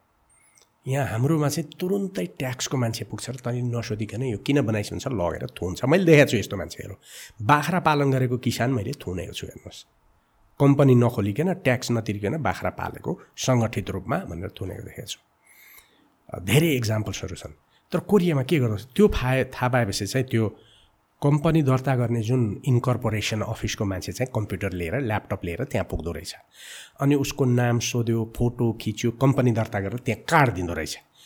अनि उसले के भन्दो रहेछ भने how much do you money do you need for this year for this year to go up भन्दाखेरि कसैले होइन मसँग छ म आफू लगानी गर्छु परेको बेला माग्छु। अनि कसैले भन्यो मलाई चाहिँ अब यसको लागि अलि राम्रो मेसिन केमिकल्सहरू र एउटा सानो घर बनाउनु पऱ्यो भने next day government sends money to that पाँच वर्षसम्ममा उसलाई पहिला ठुलो कम्पनी बनाउँछ अनि पाँच वर्ष पछाडि ठुलो कम्पनी बनाइसकेपछि ऊ गएर सोध्छ वाट इज यो इन्कम रेसियो कसले ढाँट्छ त्यति बेला? न I am making good money भनेपछि so how much tax this year you have you want to pay उसले त्यो वर्ष जति बन्छ त्यति तिर्छ। खुसी खुसी दिन्छ। खुसी खुसी। अब चाइनामा मैले देखेँ म एकदम रुरल पार्टमा गएँ। चाइनामा पनि कोरियनहरूबाट उनीहरूले पछिल्लो समय सिकेको यसै गरी दर्ता गर्न जाँदो रहेछ।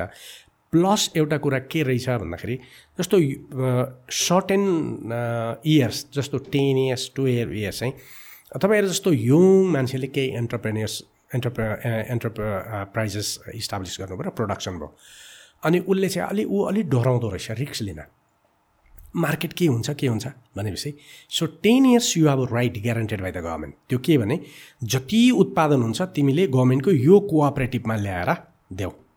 सो बिकोस् वा नबिकोस् गभर्मेन्टको you just bring it quality चिज अनि लगेर डम्प गर्नुहुन्छ। दस वर्षसम्म you have a right to dumping in the government office गभर्मेन्टले त्यो बेच्छ जे डेफिनेटली तर बिचे बि बिकेन कि गभर्मेन्टको बिकेन भने पनि तपाईँलाई पैसा चाहिँ पठाइरहन्छ। इन टेन इयर्स यो तपाईँलाई चाहिँ तपाईँ यो रिक्स लिने आदत डेभलप भइसकेछ त्यति बेलासम्ममा and then you start by yourself मैले भने कुनै देश डेमोक्रेटिक भएर कुनै देश कम्युनिस्ट भएर त डिफ्रेन्ट गर्दो रहेनछ त। दुइटैले आफ्नो जनतालाई माया गर्छ। त्यसैले प्रश्न what political ideology is not important important कुरा चाहिँ के हो भने त्यो देशको शासकले आफ्नो जनतालाई नागरिक मान्छ कि मान्दैन माया मा माया गर्छ कि गर्दैन भन्ने खालको कुरो हो। अनि दुइटै देशमा डि डेमो सिस्टम चाहिँ फरक छ तर वास्तवमा लिडरसिप पुग्ने चाहिँ एउटै एउटै प्रक्रिया छ क्या। जस्तो योभन्दा अघिल्लो जुन नेपालमा पनि आएर त्यो भात खाएर गएको राष्ट्रपति थियो नि त्यो राष्ट्रपति तपाईँ हेर्नुहोस् त कसरी उठेर गएको छ। पहिला ऊ किसान छ अनि उद्योग सानो चलाउँछ अनि ग्रो गर्छ अनि एक्जाम्पल बन्छ। करिब करिब चालिस वर्ष प्रमाणित गरेपछि ऊ राष्ट्रपति हुन्छ। यहाँ हेर्नुहोस् त कस्तो मान्छे राष्ट्रपति हुन्छ? कस्तो मान्छे चाहिँ मतलब भनौँ पोलिटिकल पार्टीको लिडर हुन्छ? भनेपछि प्रश्न फन्डामेन्टल्ली हाम्रो भ्याल्युजभित्र पनि छ। त त्यो भ्यालुजलाई तोड्ने कुरा चाहिँ के भने त्यस कारण म ती तिनवटा कुराले मात्रै नेपालको चेन्ज ल्याउन सकिन्छ भन्छु। एक पहिलो कुरो हामीले राष्ट्रियताको कुरा गर्ने होइन किनभने हामी कोलोनी थिएनौँ। त्यस कारण नेसनलिजम भने राइट टु सेल्फ डिटर्मिनेसनको कुरा हो हामीले भन्नेको देशभक्ति हो। हाम्रो राष्ट्रियताको कुरा होइन इन्डियाको राष्ट्रियता थियो हाम्रो होइन। किनभने हामी त कोलोनी भएको छैनौँ नि त। त्यस कारण हामीले चाहिँ देशभक्तिको कुरो पेट्रियोटिजमको कुरो हो। एक एउटा खुट्टाको रूपमा रहनुपर्छ। दोस्रो कुरो कलेक्टिभाइजेसन अफ हाउ मनी हामीले हाम्रो मनीलाई कलेक्टिभाइज गर्नुपर्छ। मसँग एक लाख छ अर्कोसँग एक लाख अर्कोसँग एक लाख यसलाई कलेक्ट गर्नुपर्छ र पहिला सानो सानो इन्टरप्राइजेसबाट ठुलो त्यसलाई मर्ज गरेर ठुलो इन्टरप्राइजेस बनाउनुपर्छ। ती साना साना चाहिँ सब्सिडिजहरू भन्छन् क्या त्यो सब्सिडियरिजहरू भन्छन्। त्यसैले लगानी मेरो लागि। तर हामी दसजनाले खोलेको चाहिँ जस्तो भनौँ न ल फर्महरू मेरो इक्जाम्पल दिउँ। दसवटा ल फर्मलाई हामीले कलेक्टिभाइज गऱ्यौँ अनि मेरो ल फर्मले यो मुद्दा मात्रै हेर्ने अर्कोले कर्पोरेट हेर्ने। But then we make it a big law firm अनि यसलाई के नाम दियौँ भन्दाखेरि नेपाल नेसनल ल च्याम्बर भनेर भन्यो। त्यसका पार्टनर्सहरू चाहिँ को हुन् भन्दाखेरि यो दसवटा ल फर्म हुन्। उनीहरूको लगानी आफ्नै ठाउँमा छ अनि उनीहरूको इन्कम पनि आफ्नै छ। त्यो माथिको बिग्रिँदा उनीहरू बिग्रिँदा पनि बिग्रिँदैन। तर उसको नामले चाहिँ मोर इन्कम आउँछ अनि त्यो मोर इन्कमको टेन पर्सेन्ट चाहिँ हामी सबैले त्यो मेन कम्पनीलाई दिन्छौँ उसको एडमिनिस्ट्रेसन चलाउँछौँ उसको विज्ञापन गर्छौँ। त्यो कलेक्टिभाइजेसन सेकेन्ड थिङ र थर्ड थिङ चाहिँ के भन्दाखेरि हाम्रो एजुकेसनले प्रोडक्टिभिटी डेभलप गरेन। सो एजुकेसन मैले लेटेस्ट स्टडी गर्दाखेरि के देखेँ भन्दाखेरि यो यो सुदेव भाइ मसँग जो आएको छ ऊ मेरो एसिस्टेन्ट भएर काम गर्यो उसले रिपोर्ट टाइप गर्यो। मैले अचम्मको कुरो के देखेँ भन्दाखेरि जम्मा मेडिकल कम्प्युटर साइन्स लगायत जम्मैमा चौध प्रतिशत विद्यार्थी जान्छ टेक्निकल एजुकेसनमा। फोर्टी फोर पर्सेन्ट मान्छे म्यानेजमेन्ट पढ्न जान्छ। जुन देशमा बिजनेसै छैन सबै म्यानेजमेन्ट पढ्छ। ट्वेन्टी फोर पर्सेन्ट मान्छे हिस्ट्री र पोलिटिकल साइन्स पढ्छ।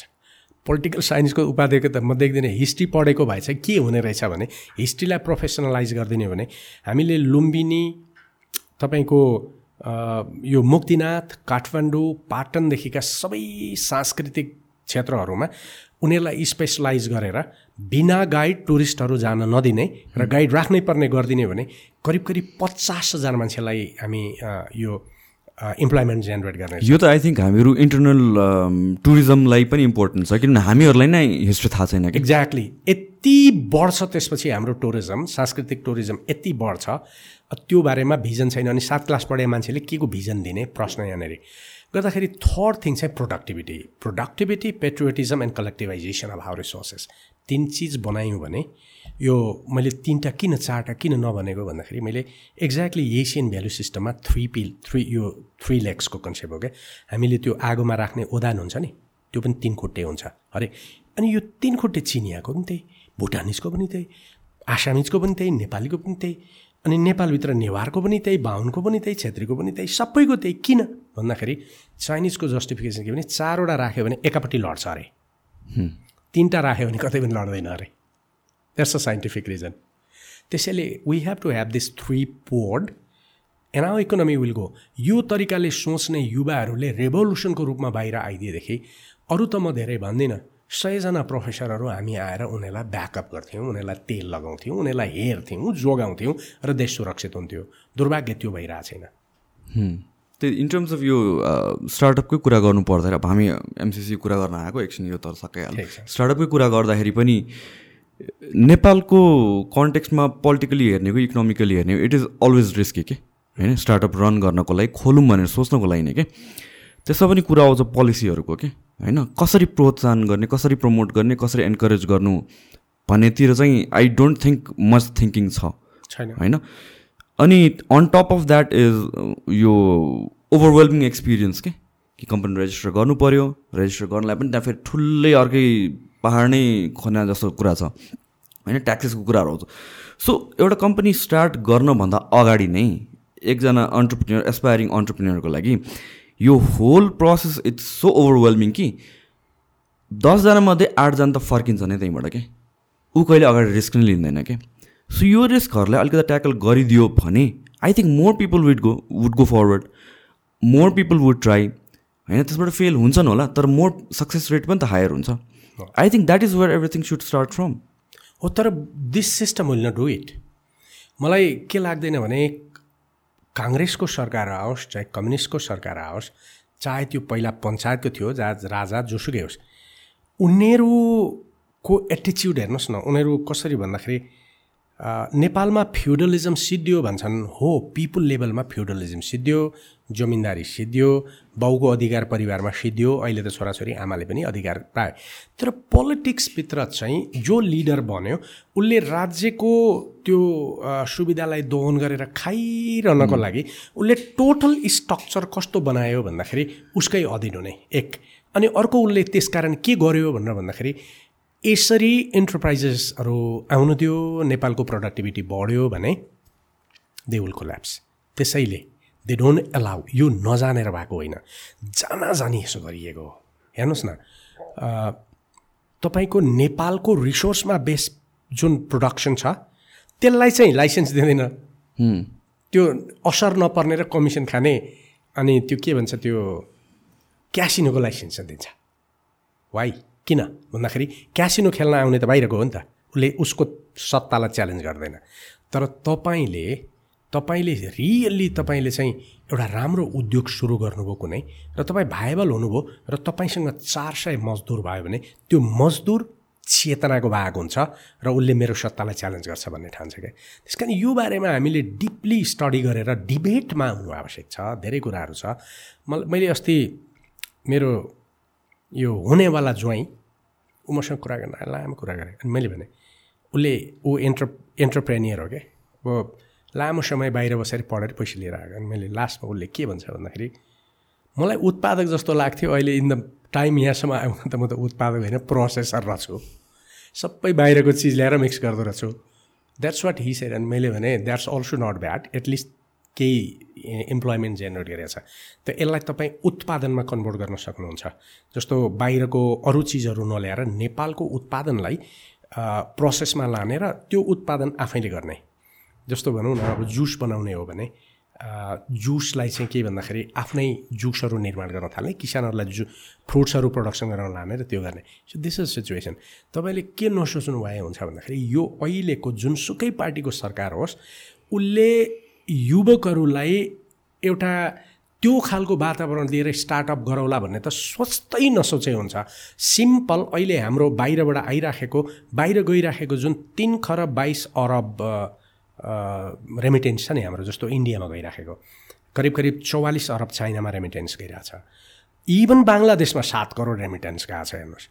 यो रेमिटेन्सलाई रोकिदिने हो भने त जस्तो उदाहरणको लागि महिलाहरूले म भन्छु महिलाहरूले यो ब्युटी पार्लरको नाममा कपाल काट्न थाल्यो नि त। हामी पनि जाँदा काटिदिन्छन्।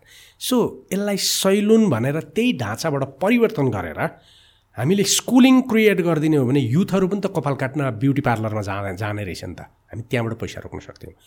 अब जस्तो भनौँ न जुत्ता बनाउन त हामीले थाल्यौँ। जुत्ता त नेपालले प्रडक्ट गरिरहेछ। तर जुत्ता सिउने ठाउँमा सबै बङ्गलादेश र इन्डियाबाट आएको वर्कर्सहरू छ। लुगा गा गार्मेन्टमा सबै बाहिरबाट आएको छ। हामीले के भन्यौँ भन्दाखेरि लुगा सिउने काम सानो हो जुत्ता बनाउने काम सानो हो त त्यसलाई सिम्पल गभर्मेन्टले एजुकेट गर्दा त मेसिनबाट बनाउन हुन्छ ओके यो गर्न हुन्छ। म माथि कलेज छ त्यहाँ चाहिँ म खन्छु कि? म बिरुवाहरू रोप्छु। म ल पढ्न आउनुभन्दा अगाडि दुई वर्ष एजुकेसन एग्रिकल्चर पढेँ हुनाले म ग्राफ्टिङहरूदेखि लिएर सबै त गर्छु। अहिले माथि मेरो जानुपर्ने भएको छ थुप्रो ग्राफ्टिङ गरेका चिजहरूको हाँगा पलायो सर भनेर भन्छन् मलाई। म जानुपर्ने छ त म खनेर बिरुवा रोप्न लाग्यो पुरै गाउँले बिरुवा रोप्न थाल्यो। त हामीले खन्न हुन्छ हामीले जुत्ता सिउन हुन्छ हामीले लुगा सिउन हुन्छ भन्ने खालको एजुकेसन चाहिँ कहाँबाट? त्यो त तल बच्चा बच्चीबाट लाने हो त्यो जानेको छैन? जानेको छ। गर्दैन यो पोलिटिकल पार्टीहरू किनभने त्यसरी मान्छे सचेत गऱ्यो भने हाम्रो सत्ता रहँदैन। दुर्भाग्य कहाँ भयो भने एक खालको बुढा नेताहरू त सिद्धियो। तर त्यो बुढा नेतालाई स्थापित गर्नेहरू जो तलको युथ छ नि उनीहरू पनि त्यो रियल्ली युथलाई रिप्रेजेन्ट गर्ने खालको होइन यही सात क्लास पढेर यसै गरेर सामन्तवाद चलाउने खालकोहरू नै माथि गइदियो। बाहिर ढाँट्यो बेसमरी ढाँट्यो सत्तामा पुग्यो अनि आफ्नो कुरा गर्यो। यो खालको मान्छेहरू भयो। त्यस कारण दिस इज ओभरअल चेन्जको हो तर इट्स वान्ली थ्रो लजिक भन्छु म। लजिक बेगरको चेन्ज हुँदैन अब हाम्रो। सो युथहरूले यस बारेमा सोच्नुपर्ने हो। तर युथहरू एकदम इमोसनल भएको हुनाले एउटालाई गाली गर्ने अर्कोलाई गाली गर्ने नपत्याउने। अनि मैले यो यस्तो कुरो बोलेकोमा कमेन्ट हेर्छु कि भने कुरा त ठिक हो तर यो उसले भने जस्तो गरेर कहिले गर्ने? मरुन्जेलमा exactly where I find ridiculous नेपालको अब हामीले ट्विटर हेरौँ रेडिट हेरौँ या इभन सोसियल मिडियामा पनि इमोसनल साइडबाट चाहिँ जे पनि कुरा हेरिने आइरहेको छ। लजिकल पोइन्टबाट जे पनि कुरा आर्गुमेन्टमा ल्याउने एकदमै कमै छ क्या। तपाईँको र मेरो सबै कुरा ओपिनियन सेम हुन्छ भन्ने जरुरी छैन र हुनु पनि हुँदैन। तर त्यसको सल्युसन के हो भने चाहिँ तपाईँ र म एउटा इन्टलेक्चुअल पोइन्ट अफ भ्यूबाट आर्गुमेन्ट गर्ने हो। न कि मैले तपाईँलाई गाली गर्ने या तपाईँले मलाई गाली गर्ने। सो यु लिसनिङ अन्डरस्ट्यान्डिङ र communicating in the right way I think that is lacking अनि इट्स सो एभिडेन्ट के। अनि स्पेसली ट्विटर र रेडिटहरूतिर गयो भने चाहिँ द्याट्स वाट आई सी त्यसैले मैले फेसबुकमा लेख्न बन्द गरेँ नि। म कति राम्रो कुरा ल्याउँछु अनि एक्जाम्पलहरू दिन्छु। जस्तो हामीले एभोकाडो उत्पादन गऱ्यौँ। अनि अहिले अब दुई दुई वर्ष तिन वर्षमा त चार सय भोट फल्छ। यो वर्ष नै डेढ लाख जतिको बेच्यौँ। मैले सूचना लेखेँ एभोकाडो छ हामी दुई सय पचास रुपियाँमा दिइरहेछौँ। मगुलिङदेखिको मान्छेहरूले फोन गर्यो। जो चाँडो आयो उसले लग्यो। तल कमेन्टमा के लेख्छ भन्दाखेरि यस्तो इक्जाम्पल र छ हामी चाहिँ अब यो यसरी उत्पादन गरेर एनोदर टेन इयर्समा अहिलेको हाम्रो कलेजको त्यो छ हजार फिसलाई घटाएर टेन पर्सेन्टमा पुर्याउँ भन्ने हाम्रो अभिप्राय छ क्या दस वर्षमा नसकेला बाह्र लाग्ला तर हामी त्यो प्रक्रियामा जान थालिरहेछौँ अनि मैले त्यही भने हामी चाहिँ अब फलफुलहरू हाम्रो गार्डनमा त्यत्रो जमिनमा किन जमिनलाई उत्पादनहीन राख्ने फलाउँ भनेपछि अब आँप पनि फल्याएको छ लिची पनि फल्याएको छ एभोकाडो फल्याएको छ एभ्रिथिङ इज देयर हामीसँग एक सय पचासजना बस्ने ठाउँ छ अरूले सेमिनार गर्छन् ब्युटिफुल प्लेस छ। मान्छे भएपछि दुई तिन दिन बस्न खोज्छ। अनि हामीले त्यो लेख्नु तल एउटाले एउटाले के लेख्छ भन्दाखेरि विद्यार्थीको फिस खाएर मात्रै खान पुगेन छ अब फलफुल रोपेको पनि गरेर खाना खाने भएछ भन्छ।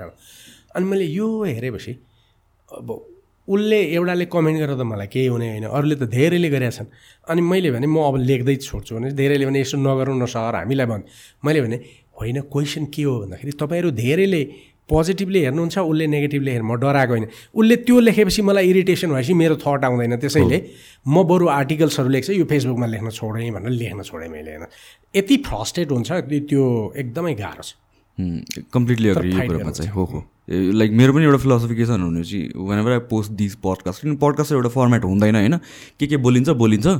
सबैलाई चित्त पनि बुझ्दैन होला मेबी अनि मेरो philosophy is I never read comments जेसो मलाई ऊ सु यो सुदीप मसँग आउने उसले पनि त्यही सिकायो। मलाई अस्ति लेटेस्ट चाहिँ मेरो छोरीले सिकायो। यो हेर्दैन हेर्ने हेर्दैन हेर्ने मैले अरू टिमलाई पनि भन्छु तिमीहरू हेर मलाई चाहिँ केही पनि नसुनाऊ है भन्छु। त मेरा साथीहरू चाहिँ हेर्छन् र आएर मलाई सुनाउँछ हो त्यो चाहिँ कट अफ गर्नलाई चाहिँ एकदम इम्पोर्टेन्ट छ ल अब let's let's talk about M MCC खासमा यो ब्रिफली एकचोटि डिस्क्राइब गरिदिनु एमसिसी प्रोजेक्ट खासमा चाहिँ के हो फर पिपल डोन्ट अन्डरस्ट्यान्ड अब यो वास्तवमा अलिकति सजिलै बुझ्ने कुरा हो भन्छु म चाहिँ। यो दुई हजार एघार सालदेखि सुरु भएर छ हामीलाई थाहा थिएन। त दुई हजार पन्ध्र सालमा यो अङ्ग्रेजी इस्वी सम्मत दुई हजार पन्ध्रमा office of Millennium Challenge Corporation Nepal भनेर नेपालमा एउटा अफिस बसिया रहेछ। इट्स भेरी इन्ट्रेस्टिङ कसको स्वीकृतिले आयो त्यो? किन आयो? के गर्यो? किनभने एग्रिमेन्ट त सत्रमा मात्रै भयो नि। यो रहेछ। अहिले रियल्ली भेटायो अनि त्यसले यो सत्रमा एग्रिमेन्ट हुने बित्तिकै एग्रिमेन्ट गर्यो। तर ओएमसिएन नेपालले एउटा अमेरिकन कार्डनो एमर्जिङ मार्केट भन्ने संस्थासँग एग्रिमेन्ट गर्यो। जो यहाँ मान्छेलाई थाहा नै छैन। नेतालाई त थाहा नै छैन। अनि उसले के भन्यो भने यो एमसिसी प्रोजेक्टको लागि जति पनि प्रोक्योरमेन्टको काम हुन्छ ह्युमन रिसोर्स अनि गुड्स सबै यसले गर्नेछ भनेर एग्रिमेन्ट गर्यो। त्यो एग्रिमेन्ट गरे गरेको केही समय अगाडि एकदम एमसिसीको यो दुई हजार सत्रको ज्ञानेन्द्र बहादुर कार्कीको एग्रिमेन्ट भयो। हामीले खोज्यौँ यो एग्रिमेन्ट हुनुभन्दा अगाडि यो कर्पोरेसन भन्ने कसरी नेपालमा आयो अनि यसले यो किन यो कार्डनो इमर्जिङ मार्केटसँग पहिल्यै गऱ्यो? यो त एग्रिमेन्ट त पछि भइरहेछ भन्ने कुराहरू खोज्यौँ। तर हामीले कहीँ केही इन्फर्मेसन पाएनौँ। कतै इन्फर्मेसन छैन। अब दुई हजार सत्रको एग्रिमेन्ट भएको निकै समय पछाडि मात्रै कसरी सूचना आयो भन्दा गभर्मेन्टले त खेप पनि दिएन खेप पनि थाहा भएन। अब यो एग्रिमेन्ट चाहिँ पार्लियामेन्टमा रेटिफिकेसनको लागि कसरी अगाडि बढाउने भनेर यो केपी ओली प्रधानमन्त्री हुँदाखेरि उनको अर्थमन्त्री युवराज खतिवडाले कानुन मन्त्रालयमा एउटा चिठी लेख्यो अनि कानुन मन्त्रालयमा एकजना समथिङ भूषाल भन्ने शाखा अधिकृतले सही गरेको पत्र कतै त्यसको एग्रिमेन्ट सचिव लेभलको भयो वा मन्त्री लेभलको भयो वा क्याबिनेट स्तरको भयो कहीँ पनि केही रेकर्ड पनि छैन केही खुल्दैन। उनले पार्लियामेन्टमै अर्थ मन्त्रालयमा एउटा चिठी पठायो। त्यो चिठीमा के भन्यो भने एग्रिमेन्टको दफा सात एकमा नेपालको कानुन र यो एग्रिमेन्टको सम्झौता बाजियो भने सम्झौता लागु हुन्छ भनेर लेखिएको हो। त्यो लेखिएको कुरालाई प्रभावकारी रूपबाट लागू गर्नको लागि चाहिँ यो सम्झौतालाई संविधानको धारा दुई सय उनासीको यो कुन चाहिँ दुई कि तिन अनुसार मैले अहिले बिर्सेँ त्यो अनुसार पार्लियामेन्टमा लान पर्ने भनेर त्यो शाखा अधिकृतले लेखेपछि यसको आधारमा यो कपी पार्लियामेन्टमा गयो। पार्लियामेन्टको एकजना कर्मचारीले जो मेरो विद्यार्थी थियो उसले ए सर यस्तो खालको एग्रिमेन्ट आयो अनुमोदनको लागि। कानुन पनि छैन संविधानबाट कसरी गर्ने भन्ने पनि थाहा छैन। अनि यो एग्रिमेन्ट फेरि लगानीको एग्रिमेन्ट छ। यो लगानी बोर्डबाट पनि आएको छैन। यस्तोलाई एग्रिमेन्टलाई चाहिँ अनुमोदन गर्नु पर्ला र। ऊ सिम्पल उसले यो केही पनि बुझेको छैन। मैले पनि त्यति धेरै अब अप्ठ्यारो बुझेको थिएन। मैले त्यो कपी पाउँ त पढौँ भनेपछि ऊ कपी लिएर आयो र उसले र मैले बसेर पढ्यौँ। पढेर हेर्दाखेरि दुई तिन घन्टा सर र हेर्दाखेरि तिन चारवटा कुरा मैले बुझेँ। एक नेपालको कानुनसँग यो बाजियो भने सम्झौता लागु हुन्छ भनेर लेख्यो। तलतिर इन्टरप्रिटेसन भन्ने क्लजमा चाहिँ के लेख्यो फेरि भन्दाखेरि यो सम्झौता र एमसिसीको नियम बाजियो भने एमसिसीको नियम लागु हुने भन्यो। अनि एमसिसीको नियम र एमसिसी ऐन बाजियो भने चाहिँ कुन लागु हुने भन्दाखेरि एमसिसी ऐन लागु हुने। भनेपछि यो ऐन यो सम्झौता लागु हुने यो सम्झौता नेपालको कानुनभन्दा मासतिर अनि सम्झौताभन्दा मासतिर एमसिसी भन्ने एउटा सामान्य अमेरिकाको हाम्रो यो विद्युत प्राधिकरण जस्तै निगम न हो त्यो त्यो त कर्पोरेसन हो त्यो कर्पोरेसन हो गभर्मेन्ट होइन बढी होइन बढी होइन अनि त्यसले बनाएको नियम लागु हुने नेसनको लभन्दा एउटा निगमको ल लागु हुने त्यो त्यो साथ एक मात्रै हेर्दा त त्यत्रो ठुलो समस्या छैन तर तलतिर इन्टरप्रिटेसन हेर्दा गम्भीर अनि त्यो बाजियो भने भनेपछि त ऊ हाम्रो लिगल सिस्टम त टोटली एमसिए ऐन अन्तर्गत लागु हुने भयो नि त यो त गाह्रो छ दिस इज कन्ट्रोभर्सियल यो चाहिँ भिएना कन्भेन्सन अनुसार पनि छैन। सिक्सटी नाइनको जुन Vienna conventional law of treaty छ उसले त रेसिप्रोसिटीको कुरा गर्छ। त्यसले त त्यहाँ एग्रिमेन्टको डेफिनेसन ट्रिटीको डेफिनेसन गर्दा ट्रिट एग्रिमेन्ट भनेको छ। र त्यो दुईवटा म्युचुअल्ली रेसिप्रोकल अथोरिटी भनेपछि त स्टेट टु स्टेट हुन्छ निगम टु निगम हुन्छ। अब यहाँ एउटा त्यहाँको ल अन्तर्गत भने निगम छ यतापट्टि गभर्मेन्ट छ। अनि मैले हेरेँ त्यति बेला त्यो निगम भन्ने चाहिँ के रहेछ त? अमेरिकामा यो कर्पोरेसन भन्ने चाहिँ के रहेछ त यो? भन्ने कुरामा मैले त्यहाँको ट्रिटीको डेफिनेसन खोजेँ। ट्रिटीको डेफिनेसन खोज्दाखेरि अमेरिकाको सिभिल कोडमा ट्रिटीको डिफाइन गरे रहेछ। अनि ट्रिटीको डिफाइन गर्दाखेरि त्यो चाहिँ दुईवटा सरकार बिचको सम्झौता चाहिँ ट्रिटी हो। त्यो ट्रिटी सम्झौता बमोजिम चाहिँ दुईवटा देशले सही गरेपछि अमेरिकाको लागि चाहिँ त्यो सम्झौता उसको देशको कानुन सरह हुँदो रहेछ। भनेपछि त यो सम्झौता त पहिला अमेरिकाका लागि क कानुन सरह हुनु पऱ्यो नि। तर यहाँ के को मातहतमा राख्यो? एमसिसीको नियम अन्तर्गत उसकै लको विरुद्धमा छ। अनि बडा इन्ट्रेस्टिङ कुरा अनि मलाई त यो अचम्म लाग्यो। अनि मैले त्यहाँ के हेरेँ भन्दाखेरि यो ट्रिटीको कन्सेप्टै मान्दैन अमेरिकाले। उसको त ल हुन्छ। भनेपछि यो त बडा अचम्मको भयो। अनि उसले के भन्दो रहेछ भनेर भन्दाखेरि अमेरिकाको प्रतिनिधित्व चाहिँ सिनेटले पास गरेको ल अनुसारको त्यहाँको एक्जिक्युटिभ बडीले गर्छ भनेपछि त यो त निगम हो। भनेपछि यो त गभर्मेन्ट पनि होइन। यसबाट के कुरा प्रमाणित भयो भने यो अमेरिकाको एसिस्टेन्स होइन। यो अमेरिकाको निगमले गरेको लगानी हो। भनेपछि लगानी त लगानी बोर्ड ऐन अन्तर्गत पारित भएर आउनुपर्छ। यदि लगानी बोर्ड अन्तर्गत पारित भएर हामीले यो स्वीकारेको भए सायद यत्रो विवाद हुन्थेन। तर यो चाहिँ लगानी लगानी हो। अनि यो त अमेरिकन राजदूतले अस्ति त्यो इन्टरभ्यूमा बोलेपछि त पक्कै भयो। सबैतिर लगानी नै हो रहेछ भन्ने भयो। त्यो लगानी भएर आएर पार्लियामेन्टमा जाने भने त अब त हामीले चाहिँ नेपालको नेपाल गभर्मेन्टले इन्डियाको आयल निगमसँग गरेको एग्रिमेन्ट पनि रेटिफाई हुनु पऱ्यो अनि त्यसपछि हामीले चाहिँ चाइनिजहरूको यो रिङ रोड बनाउने र पोखराको एयरपोर्ट बनाउने र त्यो बुटौलको एयरपोर्ट बनाउने कुरा पनि रेटिफाई हुनु पऱ्यो यो चाहिँ गम्भीर समस्या क्रिएट गर्छ भन्ने लाग्यो। अलि तल हेरेपछि यो दफा पाँचमा के देखियो भनेर भन्दाखेरि पर्पिचुअल सक्सेसनको कुरो आयो त्यहाँ। पर्पिचुअल सक्सेसन भनेको सधैँका लागि हुने उत्तराधिकारित्व भन्ने प्रावधानभित्र त्यसको पाँचको दफा पाँचको पाँचको खको तिन र चारमा बडा इन्ट्रेस्टिङ कुरा लेखिएको भेटियो। त्यो इन्ट्रेस्टिङ कुरा के भनेर भन्दाखेरि यो लगानी गरिसकेपछि यसबाट आउने जुन रेभिन्युज हुन्छ त्यो रेभिन्युजमा अमेरिकन एमसिसीको कपिराइट हुन्छ भनेर भन्यो। अनि त्यसकारण त्यो पाँचको तिन र चार चाहिँ कहिले पनि अब यो सम्झौता सिद्धिए पनि नसकिने लाइफ टाइम भन्यो। यो पनि ल ठिक छ लगानी हो भने त प्रफिटकै लागि आउँछ नि त। प्रफिटको लागि आउने र गभर्मेन्टले बुझेर लगानी ल्याएको हो भने प्रफिट सेयर गऱ्यौँ नो प्रब्लम तर यो पनि राइट चाहिँ भएन। एसिस्टेन्स भनेर आउने अनि त्यसपछि लगानी कपिराइट खोज्ने पनि हुन्छ। अनि त्यसपछि त्यो चारमा के लेखेको रहेछ भन्दाखेरि यो परियोजनाबाट उठेको रेभेन्यू नेपालले अन्यत्र लगानी गर्दाखेरि त्यो प्रोजेक्ट चाहिँ एमसिसीको एप्रुभल चाहिने भन्ने कुरा त्यहाँ छ हेर्नुहोस्। So we are becoming a colony यो पनि मिलेन। अझै तलतिर गइसकेपछि अर्को कुरो के देखियो भनेर भन्दाखेरि यो परियोजना कार्यान्वयन गर्दा अमेरिकी ल अमेरिकन सुरक्ष अमेरिकी नीति अमेरिकी सुरक्षा स्वार्थ विपरीत हुनु हुँदैन भने।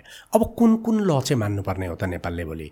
अब अमेरिकाको त peace and security act nineteen sixty one छ जसले चाहिँ अमेरिकी डेमोक्रेसीलाई खतरा हुने चिजलाई उसले रोक्न पाउँछ भनेर भनेको छ।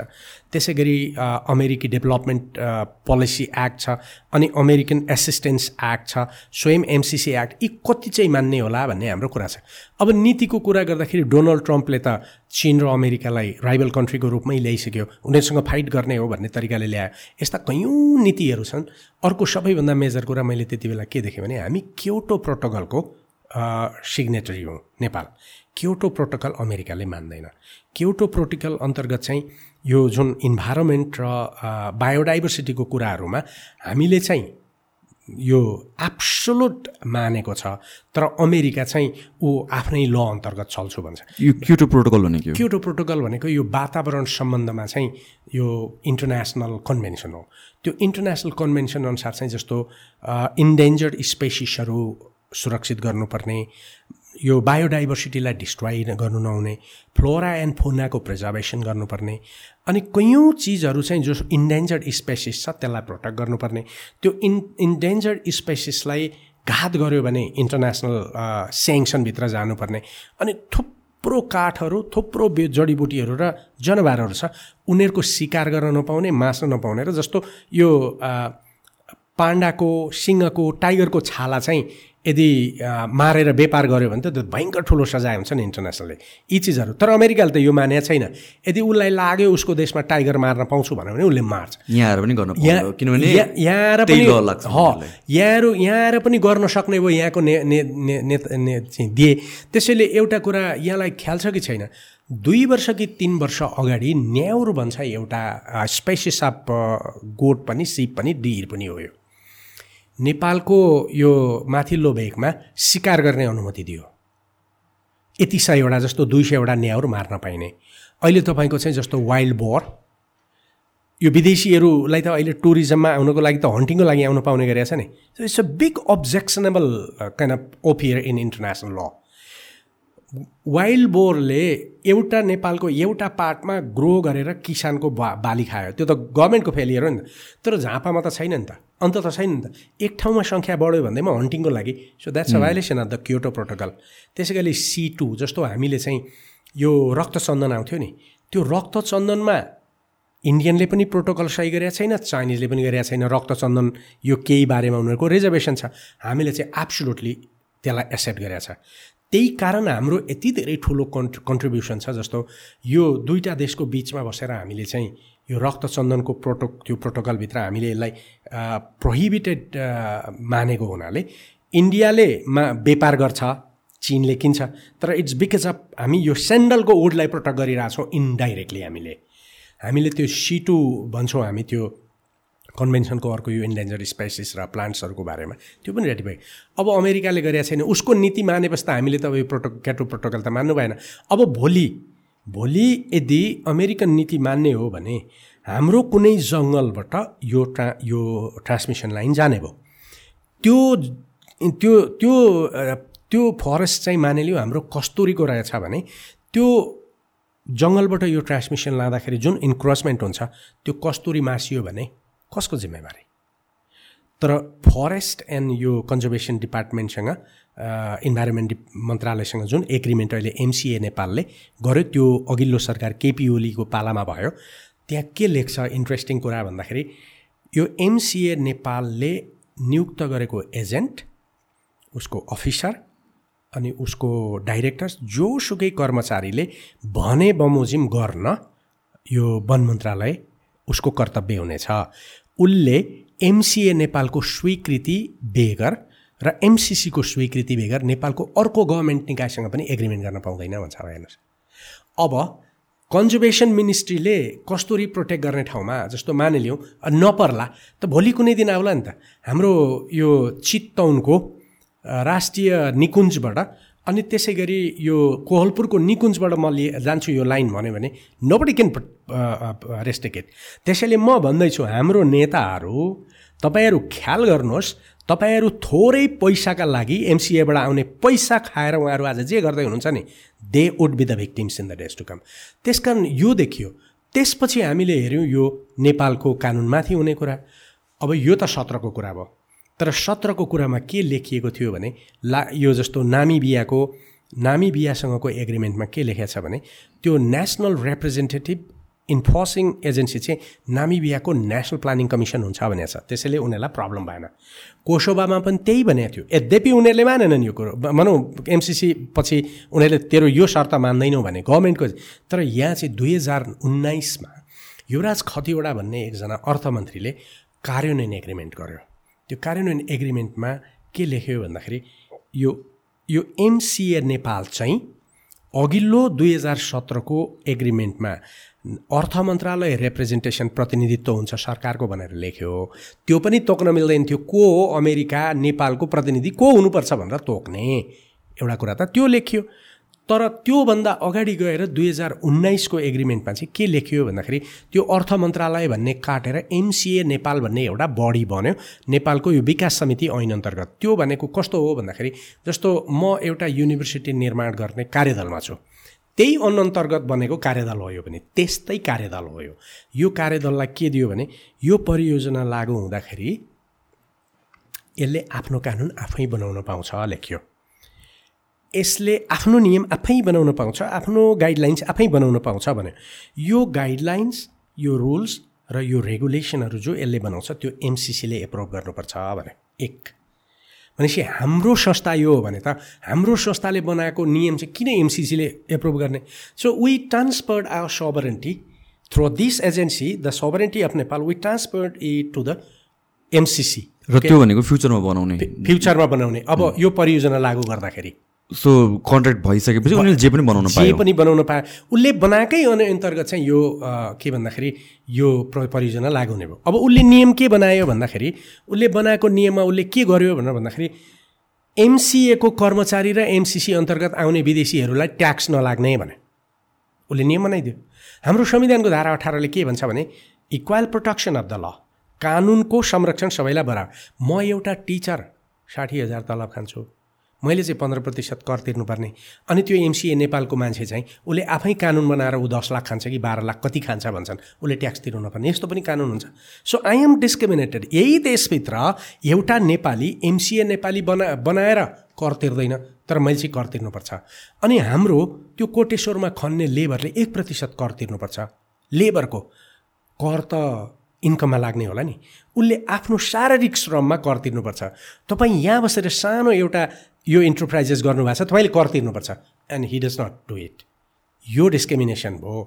हामीले त्यो भन्यौँ। अब त्यही ऐनमा तलतिर त्यसकै अर्को प्रोभिजनमा के भन्यो भन्दाखेरि त्यो एमसिए नेपाललाई गभर्मेन्टले निर्देशन दिन पाउँदैन त्यसको निर्णय बदल्न पाउँदैन त्यसको निर्णयमा हस्तक्षेप गर्न पाउँदैन बैठकमा हस्तक्षेप गर्न पाउँदैन र त्यो निकायले परियोजनाको हकमा बाइन्ड्स द गभर्मेन्ट भनेर लेख्यो। कि हाम्रो संविधानको धारा पचहत्तरले त यो देशको कार्यकारी गभर्मेन्ट भने त यो देशको क्याबिनेट त कार्यकारी अधिकार हो कार्यकारी शक्ति हो उसको त उसलाई त कसैले पनि बाइन्ड गर्न सक्दैन।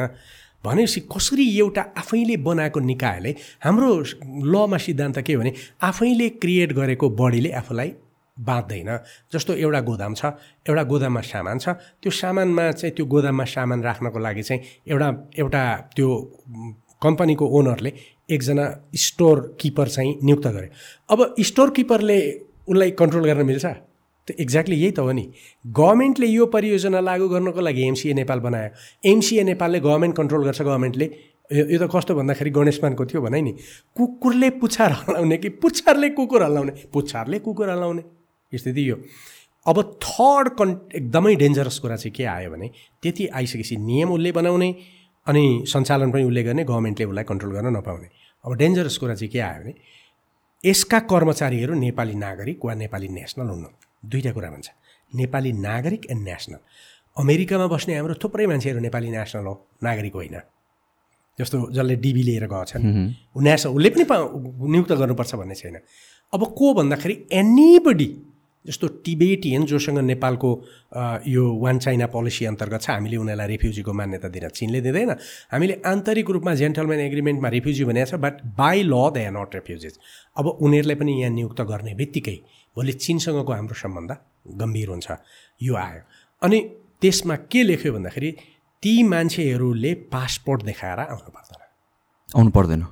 They can not open their passport they simply एमसिसीको card देखाएर नेपालभित्र आउँछन् एक। जो पनि हुनसक्छ। जो पनि हुनसक्छ। एमसिसीले उसलाई यो एमसिसीको भन्यो भने लेखेकै के हो भन्दाखेरि इमिग्रेसनमा उसको पासपोर्टमा स्ट्याम्प गर्नु पर्दैन र कति वर्षका लागि भन्दा उनीहरूले चाहिँ अनलिमिटेड टाइम भन्छ जस्तो दस वर्ष बस्न भन्यो भने उसले दस वर्ष बस्न आउँछ। अनि दोस्रो कुरो के हुन्छ भनेर भन्दाखेरि उसले कस्टम तिर्नु पर्दैन। उसले उसले जे लिएर आए पनि उसले भनौँ न पास पासपोर्टै नखोलेपछि त कस्टम त तिर्नै परेन। एक्साइज ड्युटी तिर्नु पर्दैन इन्कम ट्याक्स तिर्नु पर्दैन। उसले नेपालमा ल्याएको यो एमसिसी परियोजना ल्याएको कुनै पनि वस्तुमा ट्याक्स तिर्नु पर्छ तर यो प्रोजेक्ट त पाँच वर्षको हो। अनि त्यसपछि दस वर्षको लागि हो। पाँच वर्ष पछाडि फेरि दस वर्ष पाँच वर्ष काम लाग्छ। तर यसको लागि ल्याउँदाखेरि के भन्यो भन्दाखेरि डेन्जरस कुरा त त्यही त। दस वर्ष पछाडि त धेरै मान्छे यहाँका सोकल्ड बुद्धिजीवीलाई के छ भने पाँच वर्ष पछाडि त गइहाल्छ पाँच वर्ष दिँदा के भयो त प्रोजेक्ट बनाउन आयो भने? तर अघि मैले भने नि जस्तो पाँचको पाँचको खको तिन चार सधैँको लागि लाग्छ। एक तिन सधैँ। थुप्रो धाराहरू पर्पिचुअल भनेपछि त इमिग्रेसन पनि त पर्पिचुअल हुने भयो नि त। नेसनालिटी पनि त पर्पिचुअल हुने टेन इयर्स होइन कि टेन इयर्स क्रस पनि जान पायो। यही लडाइँ थियो यही लडाइँ थियो श्रीलङ्कामा। पहिला श्रीलङ्काले एग्रिमेन्ट गर्यो। एग्रिमेन्ट गर् गर्नुभन्दा अगाडि श्रीलङ्कासँग एउटा स्पेसल सेक्युरिटी प्याक्ट भनेर एग्रिमेन्ट भएको थियो। त्यो सेक्युरिटी प्याक्ट अन्तर्गत चाहिँ अमेरिकाले के छुट पायो भने अमेरिकी जो डिफेन्स यो आर्मीको जहाजहरू थियो त्यो अमेरिकी श्रीलङ्काको पोर्टमा आउन पाउने त्यहाँ फ्युल भर्न पाउने र त्यहाँ एउटा सर्टेन अवधि दस दिन पन्ध्र दिनसम्म बस्न पाउने अनि त्यो त्यहाँ बसेको बेला चाहिँ त्यो नेभीको मान्छेहरू श्रीलङ्काभित्र छिरेर डिपार्टमेन्टल स्टोरमा जाने खाद्यान्न किन पाउने भनेर यो प्याक्टमा।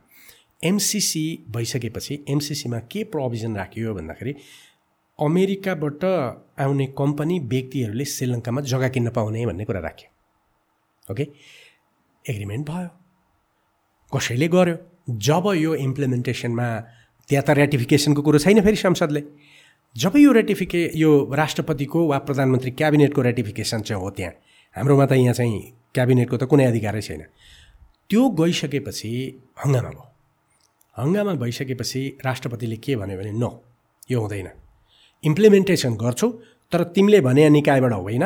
तिमीले भने जस्तो इमिग्रेसन पनि पाउँदैन तिमीले जग्गा किन्न पनि पाउँदैन। यो प्रोजेक्ट म राष्ट्रपतिको सचिवालयबाट इम्प्लिमेन्ट गर्छु भनेर। सचिवालय राष्ट्रपतिको सचिवालयमा छान्यो।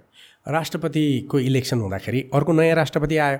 उसले के भनेर भाषण गरिरहेको थियो भने यसको बारेमा अध्ययन गर्छु र यो प्रब्लम रहेछ भने लागू गरिदिने भनेपछि उसले चारजनाको कमिटी गठन गर्यो। उनीहरूले यो त यदि श्रीलङ्कामा अमेरिकनहरूले चाहिँ भिसा नदेखाइ आउनुपर्ने पासपोर्ट रोक्न नपाइने भान्सार तिर्नु नपर्ने एयरपोर्टमा रोक्न नपाउने कहीँ रोक्न नपाउने जमिन पनि किन्न पाउने श्रीलङ्का अमेरिकालाई दिए भइगयो नि भनेपछि उसले यो हामी रेटिफाई गर्दैनौँ भन्यो प्रब्लम एक्ज्याक्टली यही प्रब्लम कोसोभोमा भयो उसले पनि मानेन। अनि त्यसपछि यहाँ हाम्रोमा अब हाम्रोमा स्थिति के हो भन्दाखेरि इन द लङ रन पनि यो कपिराइटको प्रोभिजन र यो जति सक्सेसनका प्रोभिजनहरू छन् ती प्रोभिजनले यो चार चार पाँचवटा कुरा जाँदैन। एक उनीहरूको रोयल्टी कहिले पनि सकिने भएन। दोस्रो कुरो रोयल्टी चेक गर्न उनीहरूले के लेखाएको छ भने नेपालमा भएको खातापाता जहिले पनि चेक गर्न पाउने र जहिले पनि आउन पाउने तर त्यो आउँदाखेरि उसले के भन्छ भने दिस इज द एग्रिमेन्ट हामी तिमीलाई पासपोर्ट देखाएर जाँदैनौँ। हामी गएर चेक गरेर फर्किन्छौँ। त्यस कारण यो अमेरिकाको लागि चाहिँ कुनै पनि इमिग्रेसनको भोलि हुँदैन र सडक विभागसँग लेखिएको एग्रिमेन्टमा बडा इन्ट्रेस्टिङ कुरा दफा चारमा चार चारमा के लेख्यो भन्दाखेरि वो यो रोड डिपार्टमेन्टले इमिग्रेसन लगायत सबै कुरा क ख ग त्यहाँ धेरै भनौँ न उसले भनेको मान्नुपर्ने उसले गरे गरेको उसले दिएको आदेश मान्नुपर्ने भन्दै भन्दै बिजनेसको लागि बिजनेसको लागि आवश्यक सहयोग गर्नुपर्ने। What can of business does it mean अनि मैले ठट्टा गर्दा अस्ति भने कि गिटी बालुवा पनि अब अमेरिकनहरूले चलाउने हो नेपालमा? सडक विभागसँग रिलेटेड त।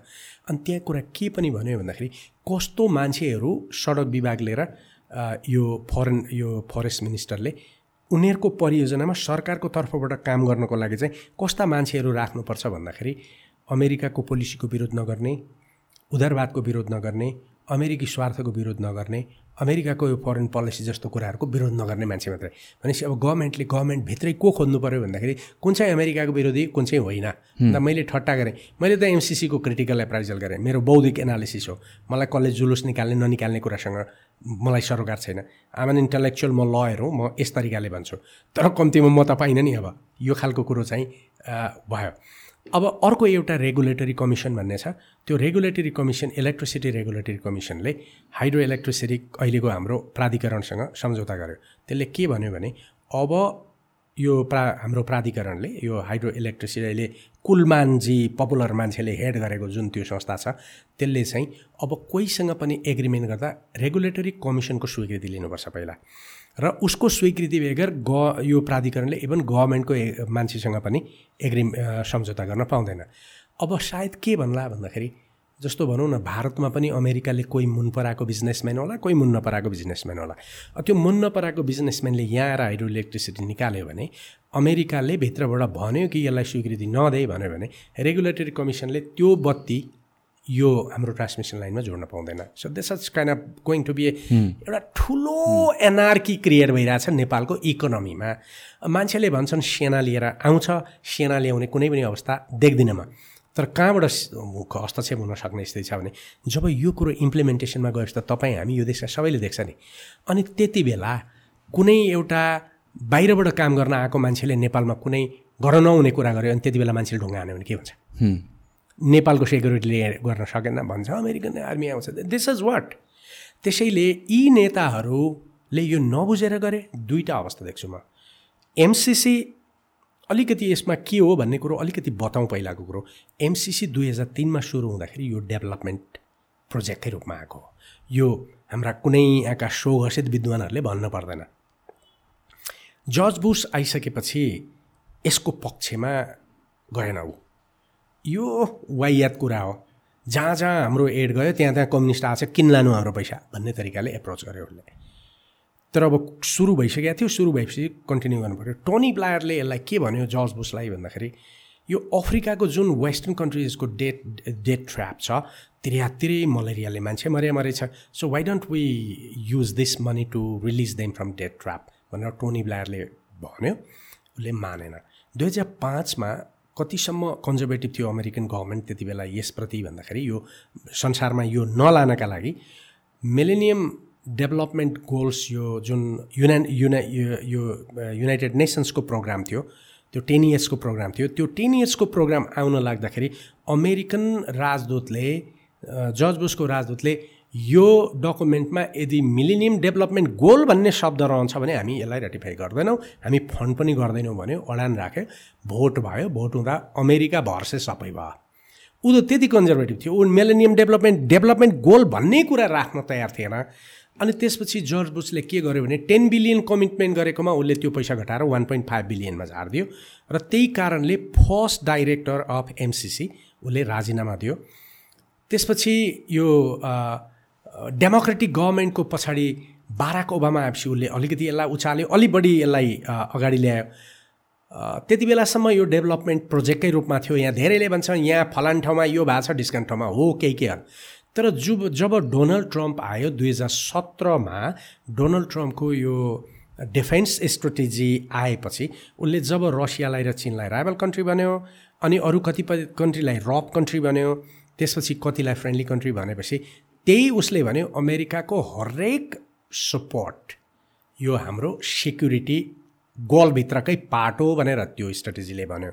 र त्यसको धारा मलाई अहिले पनि थाहा छ त्यसको मैले यो जियो इकोनोमिक्सको किताब लेख्दाखेरि एकदमै धेरै अध्ययन गरेको छु त्यसमा।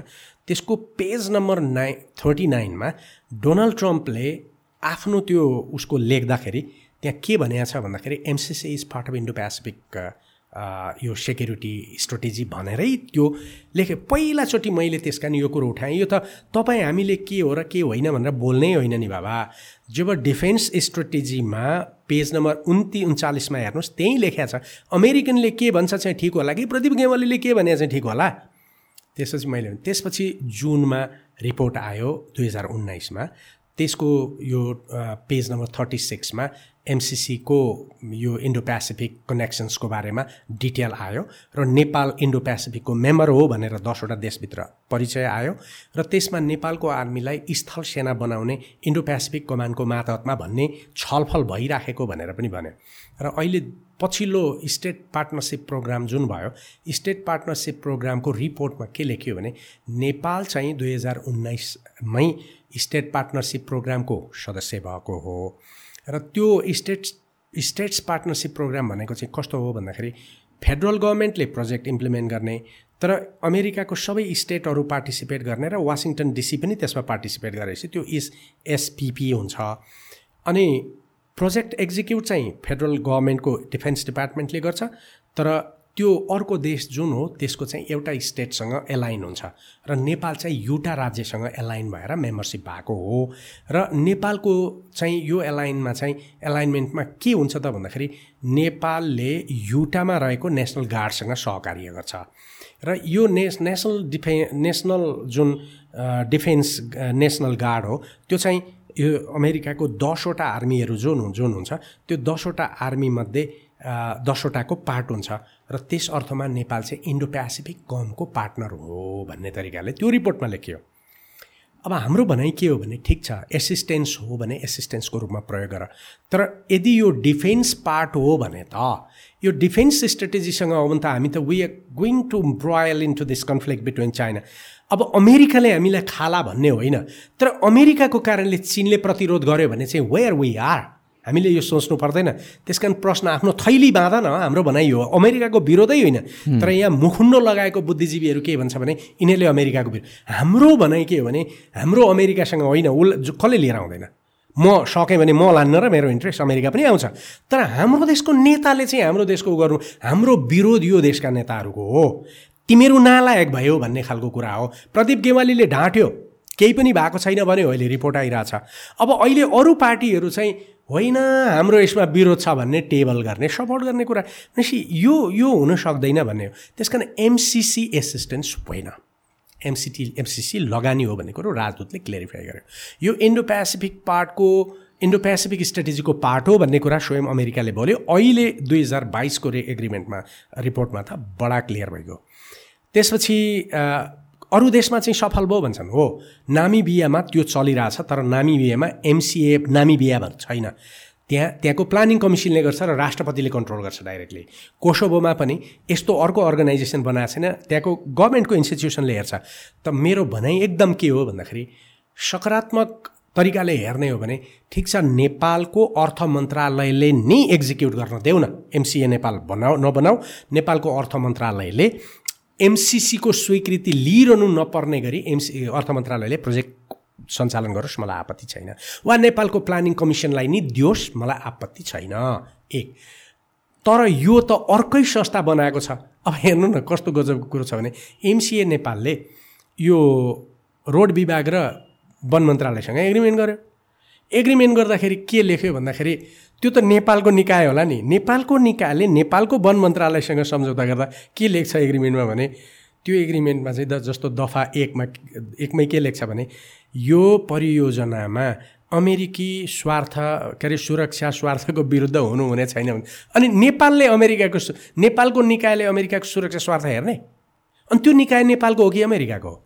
मेरो भनाइ के भने एमसिए नेपाल खारेज गर। अर्थ मन्त्रालयमा प्रोजेक्ट राख। म फिफ्टी पर्सेन्ट मेरो यो अहिलेको रिजर्भेसन निकाल्न तयार। यद्यपि फेरि पनि म के भनिरहन्छु भन्दाखेरि यो यो कानुन माथि भन्ने कुरो हुँदैन। तर मलाई उसले के भनेर कन्भिन्स गर्न सक्छ भन्दाखेरि हामी छौँ हुन दिँदैनौँ भन्ला। म त्यति मेरो देशको गभर्मेन्टलाई गरौँला। तर कोसोबोमा र लाइबेरियादेखि अरू देशमा त यस्तो छैन। हाम्रो देशमा मात्रै किन यस्तो अनौठो कन्ट्र्याक्ट यही अनौठो कन्ट्र्याक्ट किन भन्दाखेरि अब यसको चाहिँ के भन्दाखेरि यो अहिलेको अमेरिका र चाइनाको बिचको कोल्ड वार हो। We becoming a part we scapegoat of this part हिजो चाहिँ तपाईँको के भन्दाखेरि अमेरिका र सोभियत युनियनको त्यो कोल्ड वारमा क्युबा स्केप गोट भयो। अरू देश भयो अहिले हामी यो भन्दैछौँ। त्यस कारण म उहाँहरूलाई के भन्छु भन्दाखेरि एक अर्थमा हिजोको अवस्था चेन्ज भएर अहिले नेपालको अवस्था चाहिँ हामी एकदमै अप्ठ्यारो स्थितिमा आयो। हाम्रो लागि होइन। अमेरिका र चिनको बिचमा मिसाइल हानाहान भयो। त्यो मिसाइल नेपालमा खस्यो भने? So we have below the nuclear bomb. यो बेला हामीले उनीहरूसँग कन्फ्रन्टेसन गर्ने हो कि we have to go out त एउटा कुरा गरौँ न ओके हामी पुरै तटस्थ हुन्छौँ हामी चाइनासँग पनि मतलब छैन अमेरिकासँग पनि मतलब छैन तर हामी तटस्थ बस्छौँ। हामीलाई चाहिँ के भन्दाखेरि तिम्रो राजदूतावास पनि घटाउ एक एकजना राख। भन्नेतिर चाहिँ जाउँ न। मलाई आपत्ति छैन। तर कस्तो स्थिति भनेर भन्दाखेरि अब बाहिर फेसबुकमा आउँछन् के भन्दाखेरि अब जहिलेबाट भारतमा कम्युनिस्टहरूको सङ्ख्या कम भयो भारत माथि गयो। भारत माथि त गयो।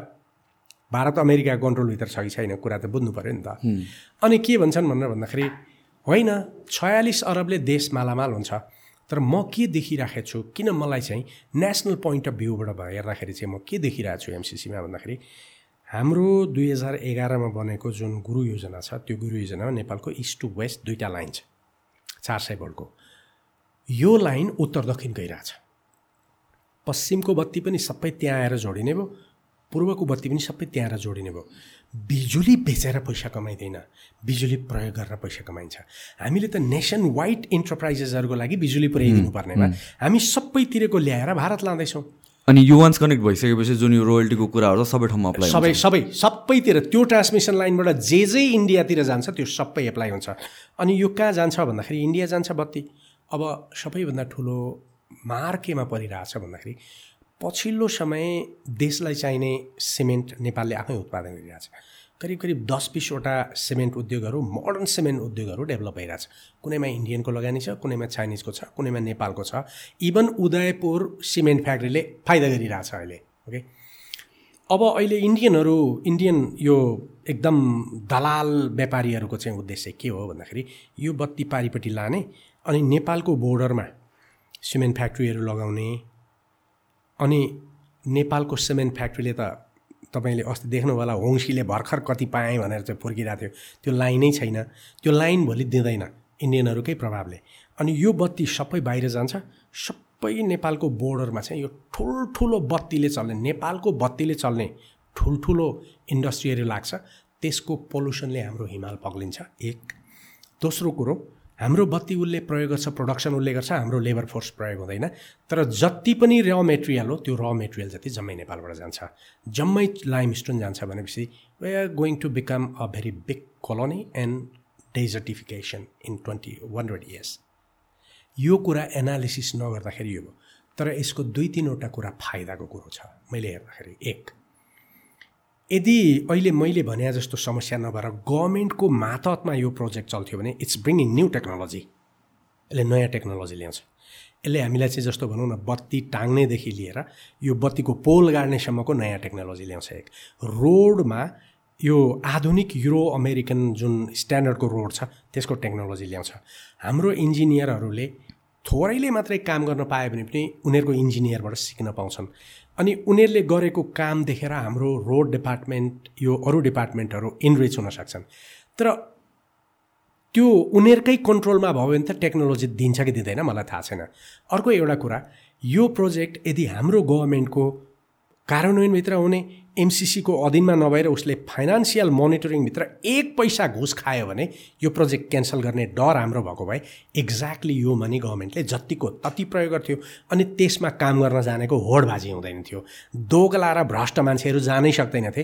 परिणाम चाहिँ राम्रा मान्छेहरूले पाउँथे भनौँ न भोलि त्यो प्रोजेक्ट ह्यान्डल गर्न सूर्यराज आचार्य जस्ता डेभलपमेन्ट एक्सपर्ट्सहरूलाई बोलाउन सक्थ्यो।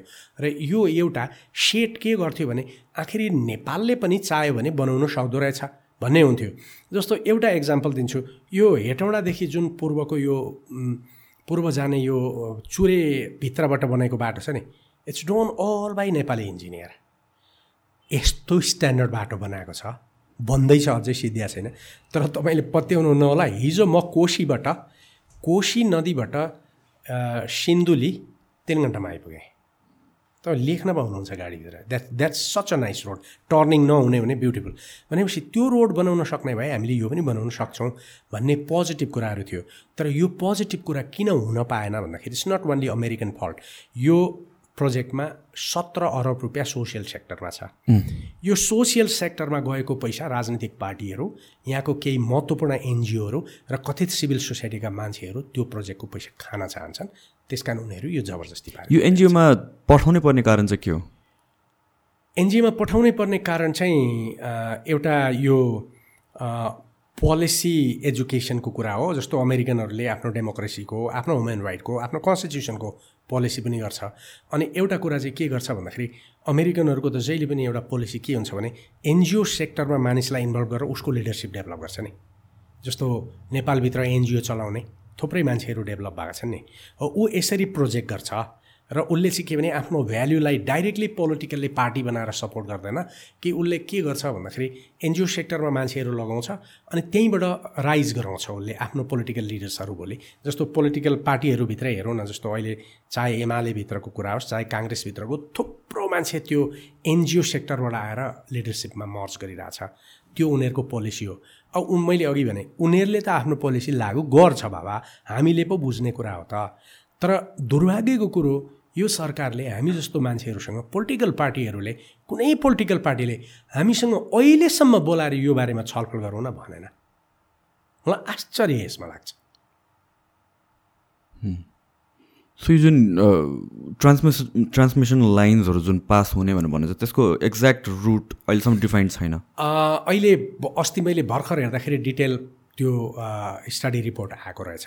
त्यो पनि यता अनुमोदन भएको छैन डिटेल स्टडी रिपोर्ट भइसक्यो। अनुमोदन भएको छैन वन मन्त्रालयसँग एग्रिमेन्ट भइसक्यो। अनुमोदन भएको छैन रेगुलेटरी कमिसनसँग भइसक्यो। सबै काम जति भइसकेको छ इम्प्लिमेन्टेसन गरिरहेको छ यो यो चाहिँ किन भन्दाखेरि यो रेटिफिकेसनको जम्मा उद्देश्य के मात्रै भने एमसिसी नियमभन्दा तल नेपालको ललाई राख्न। त्यति मात्रै अरू केही पनि अरू सबै भइसक्यो। भइसक्यो सबै। सबै नियुक्ति सिक्ति सबै। अब प्रोक्युरमेन्ट एजेन्सी त नियुक्ति भइसकेर उसले प्रोक्युरमेन्ट गरिरहेछ भने इम्प्लिमेन्टेसनमा के गाह्रो भयो? अनि यो चाहिँ एउटा चाहिँ यो यतापट्टि पाल्पाको माथिल्लो साइड हुँदै एउटा नवलपरासी जाने एउटा मुङलिङ हुँदै नारायणघाट मासतिरबाट फेरि एउटा बुटोलतिर जाने जे होस् दुई तिनवटा ज जति लाइन छ त्यो सबै नर्थ टु साउथ जान्छ र सबै इन्डियाको बोर्डरमा पुग्छ। त्यो बिचमा नेपालले प्रयोग नेपालले प्रयोग गर्न पाउने कुन कुन जिल्ला भन्दाखेरि मकवानपुर चितवन पाल्पा धादिङ चार पाँचवटा जिल्लाले चाहिँ डाइरेक्टली त्यो लाइनबाट प्रयोग गर्न पाउँछ। तर झापा र कञ्चनपुर त वञ्चित हो। किनभने उनीहरूले प्रयोग गर्ने लाइनको बत्ती पनि सबै अब डाइरेक्टली यसमा आएर यहाँ जोडिन्छ। So many parts of Nepal भोलि उद्योग खोल्नलाई तपाईँ हामीले स्वीकृति पाउने स्थिति हुँदैन किनभने there is they is not going to be no electricity the this kind of big industry so so यो जतिवटा इलेक्ट्रिसिटी प्रडक्सन हुन्छ त्यो त्यो कति हामीले इन्डियालाई दिने या डोमेस्टिकली युज गर्ने त्यो पनि हाम्रो कन्ट्रोलमा अब यो रेगुलेटरी कमिसन भन्यो। यो रेगुलेटरी कमिसनमा के भन्छ भनेर भन्दाखेरि नव उदारवाद र खुल्ला खुल्ला अर्थतन्त्र नमान्ने मान्छे यसको सदस्य हुन पाउँदैन भनेर लेखाएको छ त्यहाँ। यसको मतलब अब अहिले विद्युत प्राधिकरणले चाहिँ कति उत्पादन गर्छ र बाहिर प्राइभेट सेक्टर कति? भन्दा भोलि त यो जम्मै झोलामा बोकेका बत्तीवालाहरू जो छन् लाइसेन्सवाला तिनीहरू त अब मल्टिनेसनल कर्पोरेसनहरूले आएर यिनीहरूको लाइसेन्स प्रयोग गर्छ र बत्ती निकाल्छ र उनीहरूले त जम्मै इन्डियामा पुर्याउने हो। इन्डियामा अहिले करिब करिब पचपन्न करोड मान्छेलाई एडिक्वेट बत्ती छैन। त्यसै गरी बङ्गलादेश र अब बर्मासम्म गयो भने करिब करिब एक अरब मान्छेको लागि बत्तीको पोटेन्सियल हो। भनेपछि भोलि नेपालीहरूले जुन अहिले गाउँ गाउँतिर बत्ती लगेर पाइरहेछ त्यो चाहिँ स्थिति हुँदैन। तर जति बत्ती सोर्यो पनि त्यो सबै इन्डियाले किन्छ। र चाइनिजहरूले लगानी गर्न पाउँदैन किनभने चाइनिजहरूले लगानी गरेको किन्दैन उसले। भनेपछि यो त होल नेपालको हाइड्रो इलेक्ट्रिसिटी प्रोडक्सन त अब प्राइभेट सेक्टरमा गएको हुनाले त यो प्राइभेट सेक्टरमा लगानी गर्नेहरू जुरुमराएर कुदेका छन् त। त्यसकारण यो उहाँ जान्छ। र मलाई लाग्छ न्युक्लियर प्लान्टहरूबाट प्रयोग गरिराखेको इन्डिया थर्मल प्लान्टहरूबाट त्यत्रो पल्युसन गरिराखेको इन्डिया। मलाई लाग्छ हाम्रो टोटल प्रोडक्सनको फिफ्टी पर्सेन्ट निकाल्यो भने पनि इन्डियाले खपत गर्छ। र यत्रो ठुलो प्राइभेट सेक्टरमा उनीहरूले बिजनेस लगिसकेपछि हाइड्रो इलेक्ट्रिसिटी अथोरिटीको भूमिका भोलि के होला? उनीहरू त त्यहीँको त्यही तिनै ठुल्ठुला कम्पनीको स्टोज भएर बस्छन्। भन्दाखेरि नेपाली एन्टरप्रेनियर्सहरूले भोलि नेपालमा त्यो खालको हाई इलेक्ट्रिसिटी कन्जम्सन भनौँ न जस्तो भोलि फलामको ठुल्ठुलो इन्जिनहरू बनाउने यस्तो खालको कन्जम्सनको लागि इलेक्ट्रिसिटी नपाउन सक्ने खतरा छ। सो हामीले एक्सेस मात्र बेच्छौँ भनेर भन्न पाइएन। पाइएन। किनभने उसले त के भन्छ भोलि भन्दाखेरि तैँले यति साम यति समयमा यति घटाइस् भने म अर्को किन्दिनँ भने त हामीले त उसलाई त दिनै पऱ्यो नि त फ्लो जस्तो उदाहरणको लागि सिम्पल कुरा भनौँ न। हामीले इन्डियन अयल कर्पोरेसनसँग एग्रिमेन्ट गरेको छ।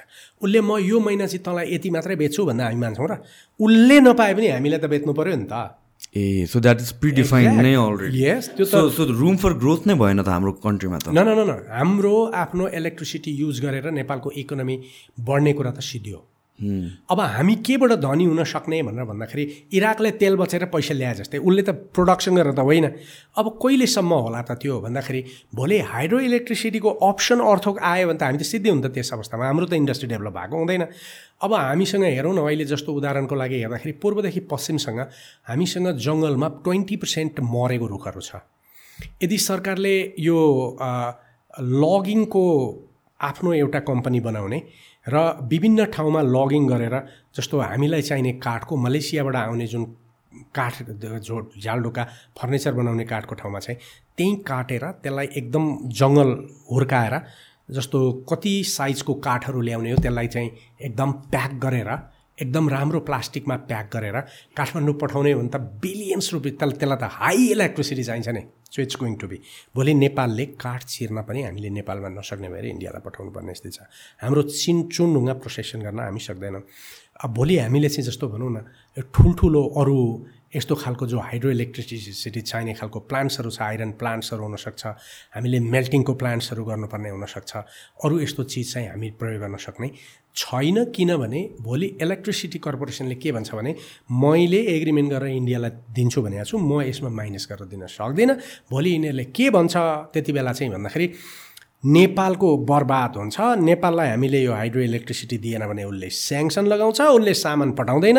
हामीले बत्ती प्रयोग गरौँ कि नगरौँ तर हामीले म त बत्ती नदिन त सक्दिनँ भन्छ भोलि उसले। अनि हामीले अहिले जस्तो भनौँ न अमेरिकाको यो लिएन भने हामी बर्बाद हुन्छौँ भने अर्को व्यापारी निक्लिन्छ। र नेपालमा अब दलालहरूको यति धेरै ठुलो सङ्ख्या क्रिएट हुन्छ यो यो हाइड्रो इलेक्ट्रिसिटीभित्र डि यो डिल गर्नेहरू दलाल।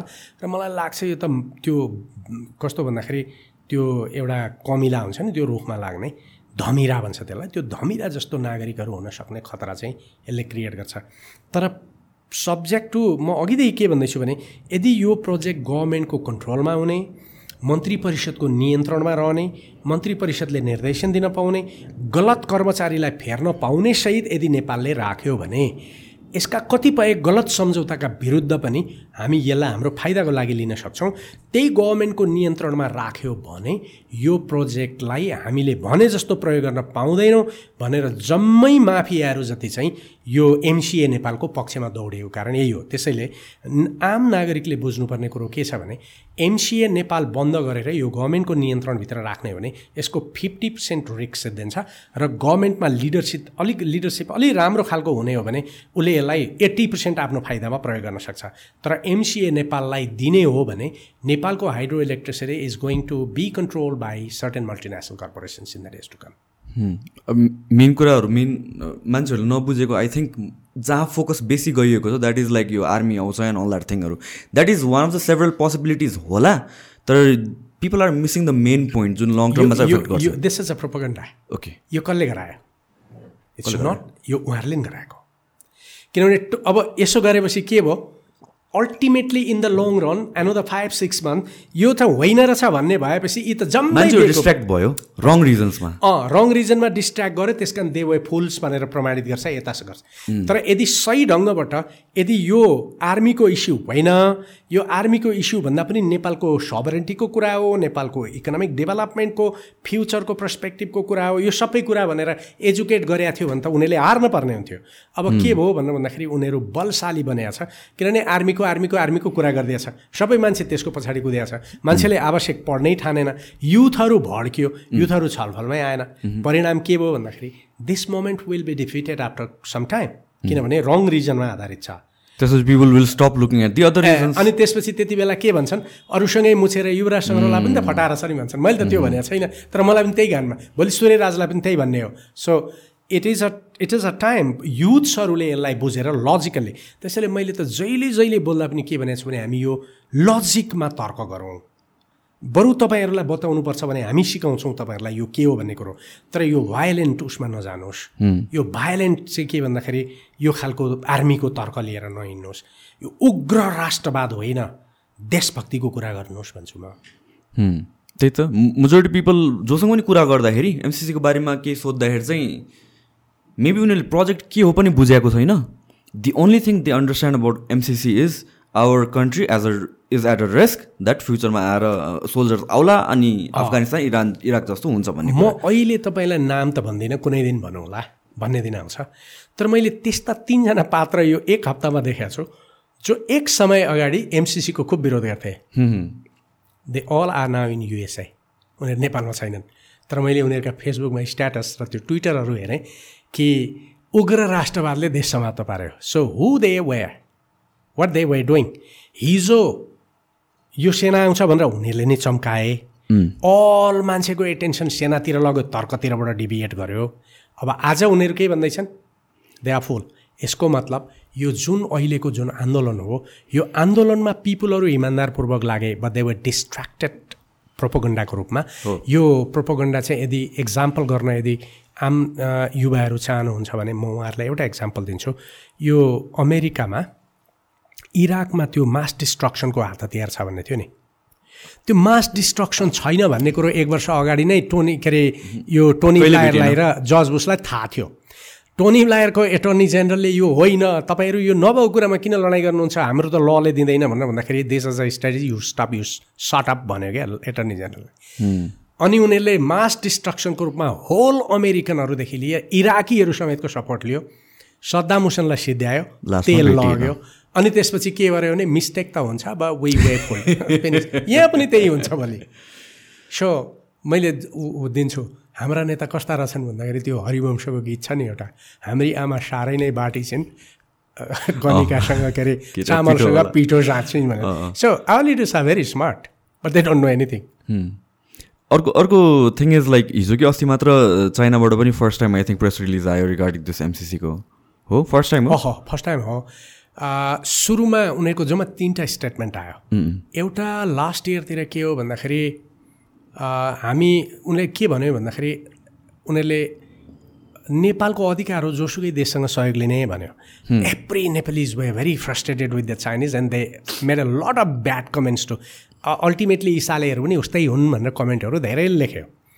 त्यसपछि अर्को एउटा कमेन्ट आयो त्यो कमेन्ट के बारेमा थियो भनेर भन्दाखेरि यो चाइनाको इन्भल्भमेन्ट छ यसको विरोधमा भनेर भनेपछि अर्को एउटा स्टेटमेन्ट आयो। त्यो स्टेटमेन्टमा के भन्दाखेरि यस्तो खालको कुरो चाइना कहिले पनि यस्तो खालको कुरामा इन्भल्भ हुँदैन। यो हामीलाई चाहिँ विवादमा ल्याउने प्रयत्न हुँदैछ भनेर आयो। अब अहिले चाहिँ अहिले पछिल्लो समय चाहिँ के भयो भनेर भन्दाखेरि यो जति पनि एमसिसीको प्रचार गर्ने समर्थमा समर्थनमा प्रचार गर्ने यो टेलिभिजनमा अक्सर बोल्नेहरूले के भन्यो भन्दाखेरि यो सबै चाइनाले गराएको हो चाइनाले पैसा दिइरहेछ। भनेर यस्तो म्यासिभ भयो कि हामीलाई नै पो बोल्दाखेरि हामीलाई पनि चाइनिज भन्दिने हुन् कि भन्ने खालको स्थिति क्रियर भएपछि धेरै हामीहरू केही बिचमा अलिक साइलेन्ट मेन साइलेन्स मेन्टेन गर्यो। अनि यो अति धेरै भइसकेपछि चाहिँ चाइनिजहरूले रियाक्ट गर्यो। उनीहरूले रियाक्ट गर्दाखेरि कसरी भन्दाखेरि यो कोर्सिप डिप्लोमेसी हो भनेर भन्यो। तर वास्तवमा यो बारेमा चिनियाहरूको मिस्टेक के हो भन्दाखेरि जब डेढ दुई वर्ष अगाडि यो डिबेट आयो उनीहरूको इन्टलेक्चुअलहरू आएर नेपालमा काङ्ग्रेसहरूदेखि लिएर सबै खालका इभन एमसिसीमै अफिसमा गएर त्यो एमसिसीको अफिसमै गएर तिमीहरूको यो प्रोजेक्ट कस्तो खालको हो भनेर कुरा गर्न त पाइन्थ्यो किन त्यो त नेपालको बढी थियो नि। उनीहरूले यसो गरिदिएको र उनीहरूले ट्रु पर्सपेक्टिभ यसको पोजिटिभ वा नेगेटिभ जसरी पनि बुझिदिएको भएदेखि आई थिङ्क यदि अमेरिकनहरू डिटर हुन्थ्यो भने पनि त्यसबाट डिटर हुन्थ्यो। अनि उनीहरूले विरोध गर्न पर्ने कारण थियो भने पनि उनीहरूले विरोध गर्न पाउँथ्यो। But they also did not take notice much अनि यहाँ आएर नेपालीहरूसँग सल्लाह गरेन उनीहरूले आफ्नै आफ्नै तरिकाले कुरा गर्यो so they is a big यो ल्याक्युना चाहिँ चाइनिजहरूको नेपालप्रतिको डिप्लोमेसीमा पनि यो एमसिसीको बारेमा देखिन्छ सो बेसिकली भन्नुपर्दाखेरि this is not about being against America or being against China this is not even about कुन पोलिटिकल पार्टीको अगेन्स्टमा पनि होइन it's just about the contract नै इट्स अ कन्ट्र्याक्टको अबाउट द कन्ट्र्याक्ट नै र त्यसमा पनि मेन मेन इस्यु के हो भनेर भन्दाखेरि चाहिँ यो एमसिसीलाई रन गर्न नदिएर why not the government of Nepal take responsibility exactly one point Nepal गभर्मेन्टको अर्थ मन्त्रालय प्लानिङ कमिसनले यदि यसलाई कन्ट्रोल गर्ने नियुक्तिको अधिकार पनि उसलाई हुने अनि उसले नै अडिट गराएर एमइसी एमसिसीलाई रिपोर्ट पेस गर्ने तर अमेरिकनहरूले टाइम टाइममा आएर रिभ्यू गर्न पाउने निर्देश गर्न पाउने यो गर्न पाउने हो भने यदि उनीहरूको भित्री कुनै गलत इन्टेन्सन छ भने पनि उनीहरूले केही गर्न सक्दैन नि। त्यसकारण मेन कुरा यही हो। फन्डिङको एक्ज्याक्टली र सेफ सेफ्टीको पनि दुईवटा कुरा। एउटा कुरा उनीहरूको बिचमा यो एमसिसीले भोलि भारतसँग चाहिँ लडाइँ हुँदैन भन्ने छ र। अहिले पो एकपल्ट दुईजना चाहिँ हामी चिनिया दाजुभाइ भने जस्तो स्थितिमा पुगेको थिएन र नेपाल आउनुभन्दा सी जिनपिङ अगाडि गएर मोदीसँग छलफल गरेर टु प्लस वानको थ्योरी ल्याएको होइन। कति बेला भारत र चिन मिल्न पनि त सक्छ नि त। त्यति बेला भारतसँग भन्दाखेरि हामीले यो असंलग्न नीतिलाई प्रभावित गर्ने काम गर्नुहुन्न। एक दोस्रो कुरो हामी सोभरन कन्ट्री हौँ हाम्रो देशको डेभलपमेन्ट गर्ने अधिकार हामीलाई छ। अमेरिकालाई लगानी गर्ने अधिकार पनि छ सहयोग दिने पनि अधिकार छ। तर अधिकार र लगानीको नाममा उसले हामीलाई प्रभावित गर्नु हुँदैन एक दोस्रो कुरो यदि यस्ता प्रोजेक्टहरू हामी फन्डिङ हाम्रो नियन्त्रणमा हुन्छ भने हामीले पा काम गर्नुपर्छ तर हामीले भ्रष्टाचार नगरोस् भनेर उसले नियन्त्रण गर्न पाउँछ। यो कुरा हो। तर यो प्रोजेक्ट चाहिँ के भन्दाखेरि सबै तरिकाले गभर्मेन्टबाट यो खोसेर केही पोलिटिकल लिडर्स र उनीहरूका मान्छेहरूलाई पैसा दिएको भा पैसा दिने शर्त भए जस्तै त्यो फाइदा दिए जस्तै उनीहरूले के भने गभर्मेन्टबाट खोसेर लग्यो। अब त हाम्रो नियन्त्रणमै छैन। देवबाजीले जतिसुकै बग गरे पनि भोलि खड्गबहादुर खड्गबहादुर विष्टले विष्टलाई अधि निर्देशन दिने अधिकार छ उहाँको। गगन थापा जतिसुकै बग गरे पनि खड्गबहादुर विष्टलाई निर्देशन दिने अधिकार छ उहाँको। छैन? अनि उहाँ के बग गर्नुहुन्छ बेकारमा? पढ्नुहोस् पहिला। सिरियसली पढ्नुहोस् त्यस कारण यो एग्रिमेन्टको डिबेट हो। यो अरू के पनि होइन। र लङ रनमा हेर्ने हो भने चाहिँ अब देयर इज अ पोसिबिलिटी हामी सिन्स दुइटा सुपर म्यासिभ पावरफुल कन्ट्रीको बिचमा छौँ हामीले एउटा साइडतिर लिन गरेर त हुँदैन। होइन? अब the way I see it is this contract can affect in way that China टाढिन्छ हामी एउटै साइडमा इन्डियातिर नै लिन हुनुपर्छ अनि वेभ सिन लाइक नाकाबन्दीमा के भयो भनेर। जब हामी मोनोपली भएर एउटै साइडमा लिन भएपछि डिपेन्डेन्सी इन्क्रिज भएपछि अर्को एउटा खतरनाक कुरा म के देख्छु भन्दाखेरि यदि चाइनिजहरू इम्प्रुडेन्ट भयो भने जसरी पहिला अठार सय समथिङमा चिनी चिनियाहरू टिबेटको पक्षमा यहाँ हाम्रो त्यहाँसम्म आयो नि भोलि उनीहरू छिर्यो भने कि इन्डिया आउँछ नेपालसँग नेपालमा चिनियासँग लड्न? उसकै टेरिटोरी जोगाउन सकिरहेको छैन उसले। अनि अमेरिका आउँछ यहाँ सेना लिएर। So if Chinese feel somehow someone will instigate China and if they intrude into Nepal what Deuba will do what Madhav Nepal will do it's very difficult very difficult त्यसैले यस्तो स्थिति नबनाउनु नबनोस् कामना गरौँ कि कम्तीमा चाइनिजहरू रिसायो भने पनि बरु उनीहरू बाइ अलुप भएर जाओस् हामीसँग। तर चाहिँ नेपालको नेपालभित्र इन्क्लुड चाहिँ नगरोस् भन्ने कामना। किनभने कुन सधैँभरि अमेरिका यसै गर्न नसक्ला अफगानिस्तान पनि त छोडेरै जान पर्यो। हो। तर यदि चाइनिजहरूलाई अझै इन्टागोनाइज गरेर नेपालभित्र फिजिकल्ली इन्भाइट गर्ने खालको स्थिति भयो भने they can do nothing against China तर चाइनिजहरूका लागि दिस इज भेरी स्ट्रेटेजिक किनभने नेपाल बोर्डर्स विथ टिबेट यदि युनानसँग बोर्डर गर्ने भए त्यति चाइना आतिने थिएन होला। तर नेपाल बोर्डर्स विथ टिबेट अनि मोस्ट इम्पोर्टेन्टली त्यो टिबेटसँग बोर्डर गर्ने मात्रै होइन भारतसँगको सिमाना खुल्ला छ। So this is dangerous with them also र अर्को अचम्म लागेको मलाई कुरा चाहिँ नेपालको कन्टेक्समा मात्र किन एमसिसीमा चाहिँ यो सर्टन रुल्सहरू छ जुन अरू कन्ट्रिजहरूमा चाहिँ मेबी छैन होला? एक्ज्याक्टली त्यस कारण के भन्दाखेरि यो अमेरिका र चाइनाको पोजिटिभ रिलेसन भए पनि नेगेटिभ रिलेसन भए पनि यो चाइना अमेरिका रिलेसनकै कन्सेन्ट यो कारण हो यसमा त अर्को कारण छैन। र बेला बेलामा आउने डिबेट अर्को के छ भनेपछि if maybe this is not a possibility होला मेबी फ्युचरमा नहोला तर युएसलाई चाइनामा अट्याक गर्नै छ भने उसले त ड्रोनबाट पनि अट्याक गर्न सक्छ। नेपालमा किन आउनुपर्छ भन्ने कुराहरू आर्गुमेन्ट आउँछ।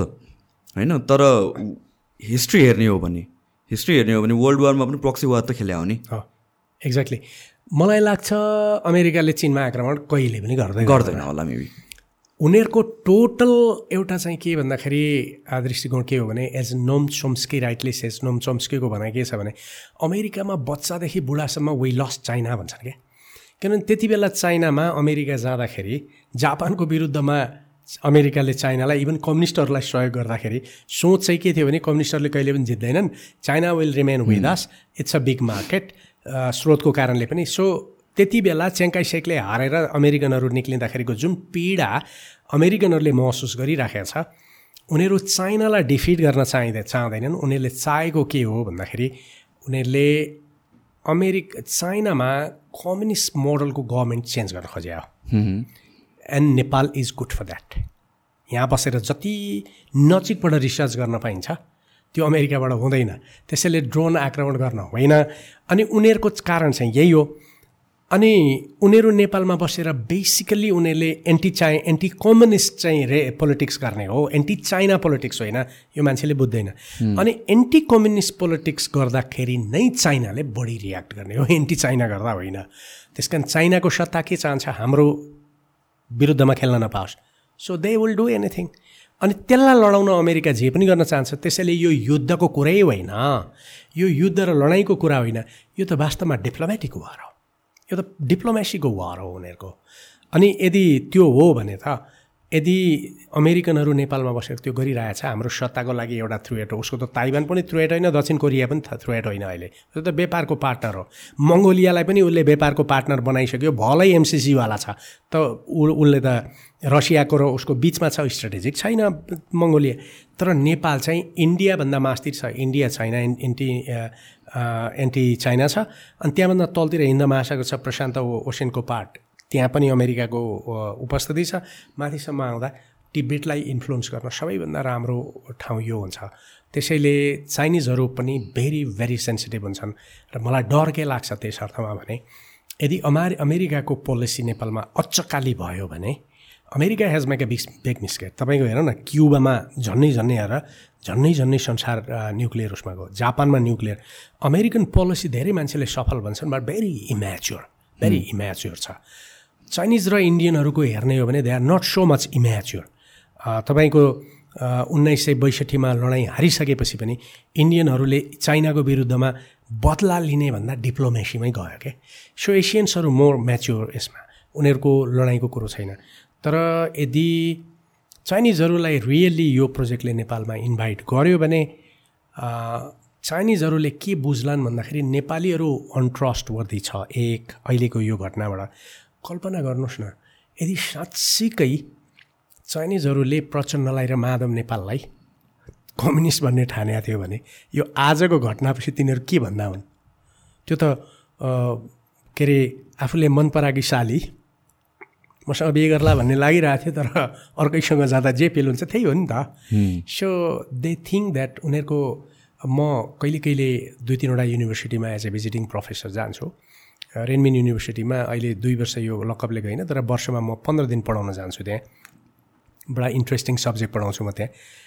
अनि उनीहरूले कुरा गर्दाखेरि उनीहरू के भन्छ भने नेपालमा every जोसुकैसँग Nepali people are very nice they are very जस्तो दुःख हुँदा पनि हाँस्छन् but Nepalese leader are very bad nobody can trust भन्छन् उनीहरू अनि म भन्छु त्यसो मेरो नेताको बारेमा किन भन्छौ न न न न न you are very good but they are very न ब्याड भन्छ हेर्नुहोस् यो छ यो छ सिचुएसन चाहिँ यो एमसिसीको प्रो साइड लिनेहरूको आर्गुमेन्ट चाहिँ के छ? उनीहरूको आर्गुमेन्ट खालि इकोनोमिक डेभलपमेन्ट मात्र यसले चाहिँ के भने बिजुली इन्डियामा गइसकेपछि तर यो त सर्ट हुन्छ। तर यो त सर्ट टर्म सल्युसन मात्र भयो नि त because we are selling raw materials त्यही त हाम्रो भनाइ नै त्यही हो। बिजुली इन्डियालाई बेच्नुपर्छ। तर जब नेपालमा हामी इन्टरप्राइजेसको लागि एनाप दिन्छौँ अनि बेच्ने हो। हाम्रो चाहिँ अहिले पनि सबै ठाउँ कस्तो बत भने बत्ती नै पुगेको छ। तर जस्तो भनौँ न उति काभ्रेमा वेल्डिङ मेसिन चल्दैन। अर्को ट्रान्सफर्मर हाल्नुपर्छ। त्यस कारण लेट्स फर्स्ट हामी हाम्रो इन्टरप्राइजेसहरूलाई डेभलप गरौँ। माथि जस्तो उदाहरणको लागि चिनिहरूले एउटा कुरा के भन्छ जहिले पनि मलाई त्यहाँ जाँदा भन्दाखेरि आइदर तिमीहरू जुम्लाको स्याउबाट वाइन डेभलप गर। So why don't you invite Chinese to do it भन्छ। बत्ती छैन। बाटो छैन। हामीले त्यहाँको जुम्लाको स्याउलाई मात्रै यदि वाइनमा परिणत गर्ने हो भने र त्यहाँ एउटा सानो चाहिँ यो हेलिकप्टरको फ्यासिलिटी हामीले दिने हो भने हिल्साबाट त त्यो हेलिकप्टर क्रस गर्छ नि किनभने अहिले पनि हाम्रो जान्छ त्यहाँ। त्यताबाट पठाउने हो भने बिलियन्स डलरको वाइन हामी चाइना पठाउन सक्छौँ एक। इन्डियामा पनि वाइनको मार्केट यति धेरै डेभलप भएको छ। अब त्यसलाई डाइभर्ट गर्न यहाँ चाहिँ फेरि हाम्रो केही नेताहरू छन् गाँजाका कुरा गर्छन् पहिला लेजिट लेजिटिमेट चिज भन्छ न एउटा कुरा। त्यत्रो स्याउ खतम भइरहेछ। अनि त्यहाँ चाहिँ हुम्लामा अर्को एउटा चाहिँ फेरि प्लान्ट रहेछ। त्यो प्लान्टलाई चट्ट काट्यो भने त्यो कोक जस्तो रस आउँछ क्या एक्ज्याक्टली कोक जस्तो छ खाँदाखेरि पनि। त्यो मिलियन्स बोटल्स चाहिँ भर्न सकिनेछ। हामी त्यो एक्सपोर्ट गर्न सक्ने स्थिति छ। पाहाडतिर हाम्रो अत्यधिक ज्यादा एक्सपोर्ट गर्ने चिजहरू छ। त्यसमा चाहिँ लगानी गरौँ। जस्तो अहिले चाहिँ चिनियाहरूको टिबेटमा पनि चाइनामा पनि मासुको प्रब्लम अब यहाँ त्यहाँ चाहिँ बकको मासु चिकनभन्दा फाइभ टाइम्स महँगो छ। एनिमल छैन उनीहरूको।